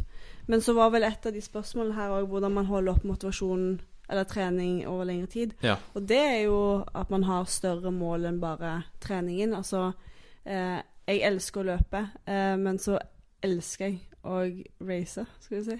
Eh, konkurrere. Mm, Jeg er mm. konkurransemenneske. Så um, i perioder hvor jeg kanskje syns det er litt tøffere å komme seg ut på trening, så tenker jeg bare på det, for da er det plutselig veldig verdt det. Og så er det jo ikke alle øktene som er eh, like kjekke. Sånn som du, du sa at han i podkasten som du snakker om, at alle øktene skulle gjøres med glede, eller Det er jeg ikke helt enig i. Og da tenker jeg at hvis alle tenker sånn, så er det ikke så rart at eh, verdens befolkning for det meste ganske syke. hvis alle skal tenke at trening er gøy. For det er ikke alltid gøy. Det er ikke Nei. realiteten. Men sånn Jeg har jo eh, valgt løping fordi jeg syns det i bunn og grunn er veldig gøy. Men det er sånn overordna. Men det betyr jo ikke at hver økt er fantastisk. Mm. Da Ja, Molly? Nei, Nei? Jeg, jeg føler at vi er liksom Energien i rommet her nå sier at uh, vi skal begynne å runde av. Uh, ja, nå som dere uh, har en mikrofon ut til tusenvis av folk på stien, er det noe Er noe dere vil si? Da, nå har dere sjansen, altså. Ja, ja, Ja. jeg har faktisk noe jeg vil si, som jeg hadde håpa jeg skulle få snakke om litt før, men som ikke ble naturlig. Ja. Og det er det at jeg og to kompiser, som er Ja. eh, ja, Pål og Fredrik, shout-out til Pål og Fredrik, Shout-out. Uh, som er ordentlig løpernerds alle tre, vi har starta en eh, ny nettside som heter Styr, også som i utstyr, bare styr. Ja, ja. Uh, punktum run, så styr.run. Men det har ingenting med utstyr å gjøre? Eh, jo, det har det. Oh, ja, ok. Så der skriver vi litt anmeldelser av litt forskjellig utstyr som vi bruker. Og så skal vi ha litt sånn turreportasjer og egentlig litt sånn diverse. Fett. Eh, så det blir veldig kult, for vi er tre ganske engasjerte mennesker. Ja. Så um, sjekk ut styr.run. Mm. Uh, Styr.run, er det nettsida? Ja. Heter det .run? Ja, det heter styr.run. Domenet er run. Ja. Ja, vet, Hvilket land er det som er run? Nei, det, det, er ikke noe, det er ikke noe land. Det, det er bare sånn Du, du kan få masse Det er litt sånn som Ja, det er sånn Ja. som alle de nye extensionsene du kan Mm, få. Ja. mm, det er en, en extension som er run.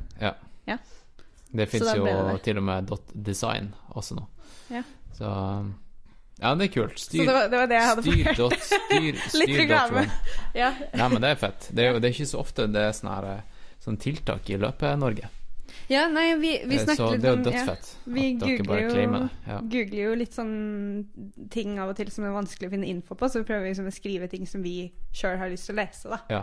Hva, hva er det siste dere har skrevet om uh, av utstyr? Det nyeste I går så kom det anmeldelse Så vi var alle tre pluss et par til og løp eh, en Tour de Mont Blanc i, eh, i Frankrike, altså UTMB-runden. I Frankrike, Sveits og Italia. Ja, dere sprang den som trening? Som trening, ja, på fem dager i sommer. Så da var det sånn overnattingstur. Ja. Og da I går så kom det anmeldelse av løpesekken som Fredrik brukte. Og i morgen så kommer anmeldelsen av løpesekken som jeg brukte. Og hva var det? Så Fredrik brukte Osprey Duro, som er um, Den er ja, svart og har hoftebelte. Ja, og, ja, ja, Den har jeg liksom. brukt. Og jeg brukte Ikke fan. Å ja, han, han likte den kjempegodt. Ja, ok. Og jeg brukte Salomon uh, Hva er det den heter, da? Skin Pro 15 liter. Ok. Ja. Uh, og den kan jeg avsløre at uh, rakna fullstendig i løpet av sommeren, så jeg er ikke så veldig fornøyd. Oi, oi, oi. eh, Salomon, Salomon, nå må dere skjerpe dere. Nå må dere skjerpe dere. Ja, men jeg har, jeg har faktisk ikke prøvd meg på reklamasjon. Jeg burde kanskje gjort det. Men Ja. jeg, har hatt som bruk, jeg hadde bruk for sekken hele tida, så da Men Ja. ja. ja, sekka er vanskelig. Da skal ikke jeg eh, Ja. tråkke på Salomon, eh, men jeg skal tråkke på Osprey også samtidig, så da er alle likestilt. Det er ingen Eh, som har ingen- lagd bra nok sekk. Hvis det er noen som har Sekk er tips, hvis noen som har tips til sånn 15 liter sekk som man har plass til en del ting i, så tar vi imot det på Ja, styreløperen, Ultimate, altså. Ultimate Direction har vel ikke 15 liter eh, De har sånn fastpack De har en eh, fastpack. Den siste 20-literen, ja. for får 15, har vel blitt til 20, ja. tror jeg. Mm. Johannes hadde en 15 Ja, før, han hadde 15. og den er dritbra. Ja, ja. Jeg har Eh, men den selger de ikke lenger. Nei, jeg tror ikke det. Men passer ikke til små mennesker som er kort i ryggen? Den Nei. passer ikke Passer ikke til små mennesker som er korte i ryggen, sier Elisabeth. Jeg er på en måte bry... Dette kan vi fortsette i kommentarfeltet på Styr.brann Ja. under artikkelen min i morgen. Jeg kan, jeg, Alle er velkommen til er- å drøfte jeg kan, sekkepreferansene sine. jeg kan poste en link til uh, slutten av uh, episoden her, så kan folk eh, høre det. Men ja, en eh, Det er mye passion i, i sekk. Ja, for, folk bryr seg faktisk om utstyr. I hvert fall ting man bruker mye. Så Ja, bryr man seg. Og ultraløpere bruker det ultramye. mye Mm. Uh, men ja. Var det noen andre som har noe mer de har på hjertet? ja. Ja, dere har sjansen nå. Nei. Eh, ok, sosiale medier, da. Hvor folk kan eh, følge dere. Eh, bortsett fra å gå på shownotes på eh, episoden her og trykke på eh, linker som jeg Jeg kommer til å legge linker til alle, alle Alle som har vært her i panelet, på sosiale medier. Ja, det kan jeg, jeg skriver jo Elisabeth, da. Jeg Ja. skriver jo blogg på Ja. Runners World. Du skriver blogg. Ja. ja. ja. Så ja. Du, de som er interessert i min ultraløperhverdag og sånt, de kan lese der. Så fett. Uh, Runners World har jeg vært i kontakt med litt i det siste. Det har seg sånn at uh, Runners World uh, har ranka podkasten her som den beste løpepodkasten du kan høre på. Altså, av tolv podkasts så var den her på topp. Uh, Dødskult! Fantastisk. Uh, Nei, så det, takk, for, takk for det, Runners eh, World. Og det er jo fett at du eh, skriver for dem. Det gjør jo en Askild også, han som har vært på podkasten.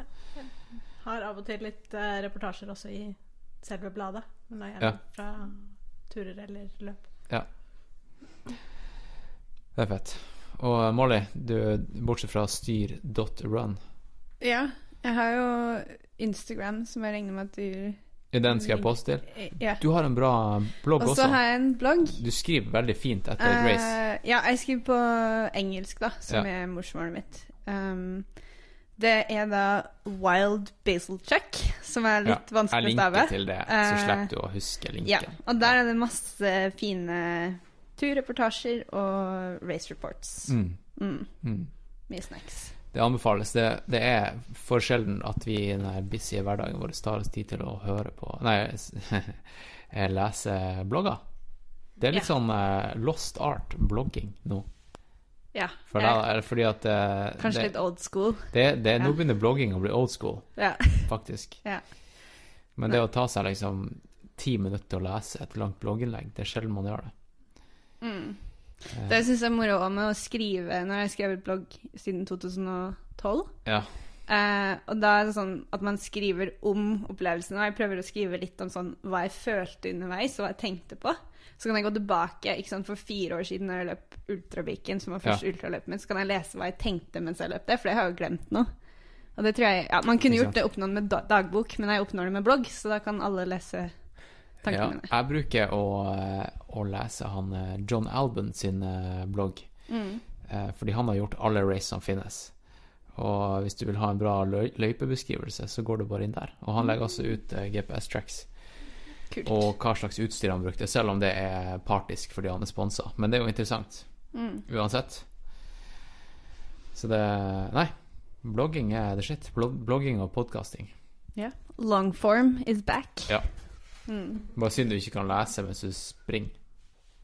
Du, Google- ord- ordløpere driver med det. Ja. Ja, det samme. Du tar ikke med deg blogginnlegget, Ja. printer det ut og har det har i hånda. Jeg, jeg hørte det sånn når de trener at du, du skal lese liksom Donald mens du er ute og løper på stien, for da, da blir du god til å lese kart. Oh, ja. Så, ikke sant, du Jeg har hørt hørt at de beste orienteringsløperne de eh, har ikke med seg kart, de bare memorerer det i forkant. Men du får jo ofte karten i starten av konkurransen. jeg leser. Donald natta natta Mm. før, og så memorerer jeg bare det på stien. ja. ok, Margrethe, har du noe eh, hvor, hvor man kan følge deg, og eh, har du noe på hjertet ellers? Du kan følge meg på Margrethe FL på Instagram.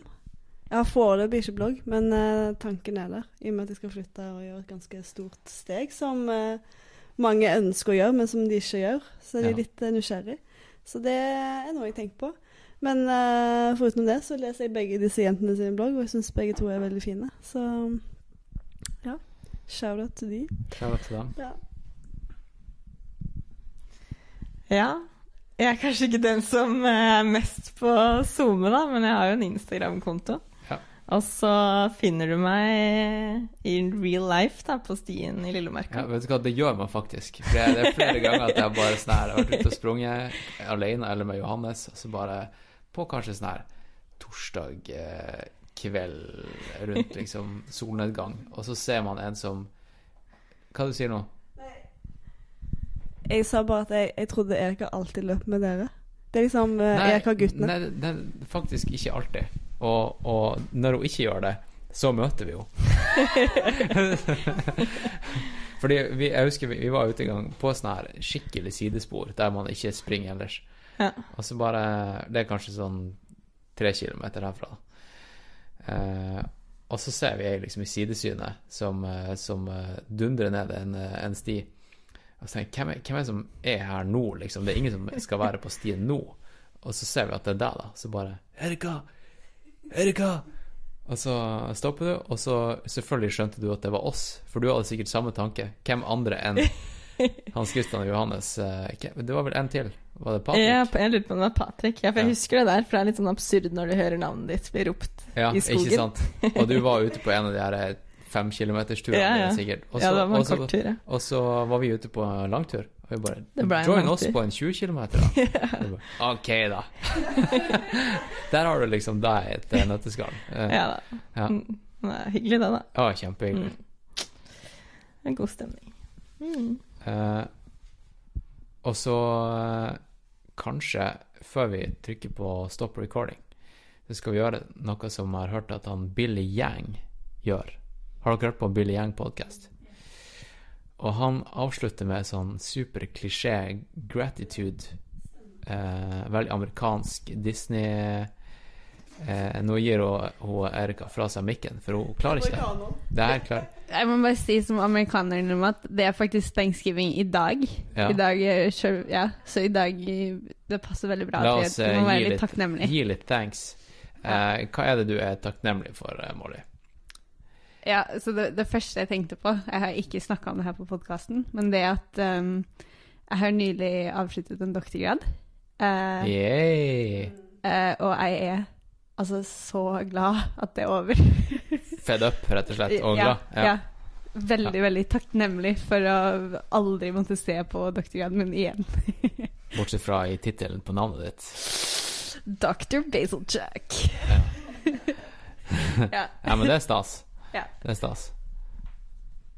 Elisabeth? er det- Det første som slår meg, blir jo sånn kjempeklisjé. Jeg er glad at jeg er frisk og har muligheten til å løpe ute. Ja. Akkurat nå er jeg litt sånn ekstra glad, for akkurat nå har jeg to uker sånn påtvunget løpepause.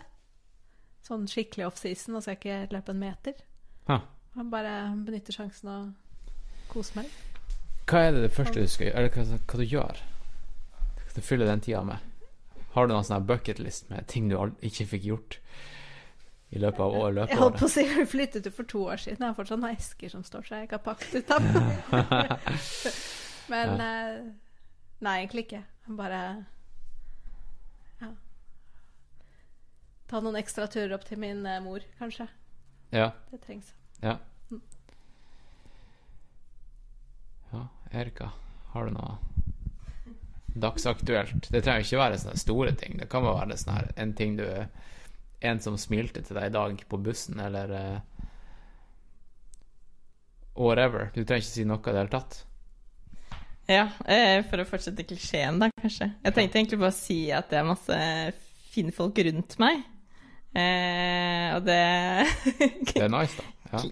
Jo, men det er liksom fint når du har på en måte sånn eh, eh, Du har et spørsmål, eller er noe du lurer på, eller noe sånt, og så vet du at du kan liksom eh, Jeg fikk f.eks. hjelp fra en eh, kompis i dag på jobb, ikke sant, med jobbgreier og litt sånn type ting, da. At du har, eh, har folk rundt der som tar seg tiden da, til å gjøre ting som kanskje ikke de nødvendigvis har noe med å gjøre, fordi du trenger litt hjelp, eller bare Ja, bare er der.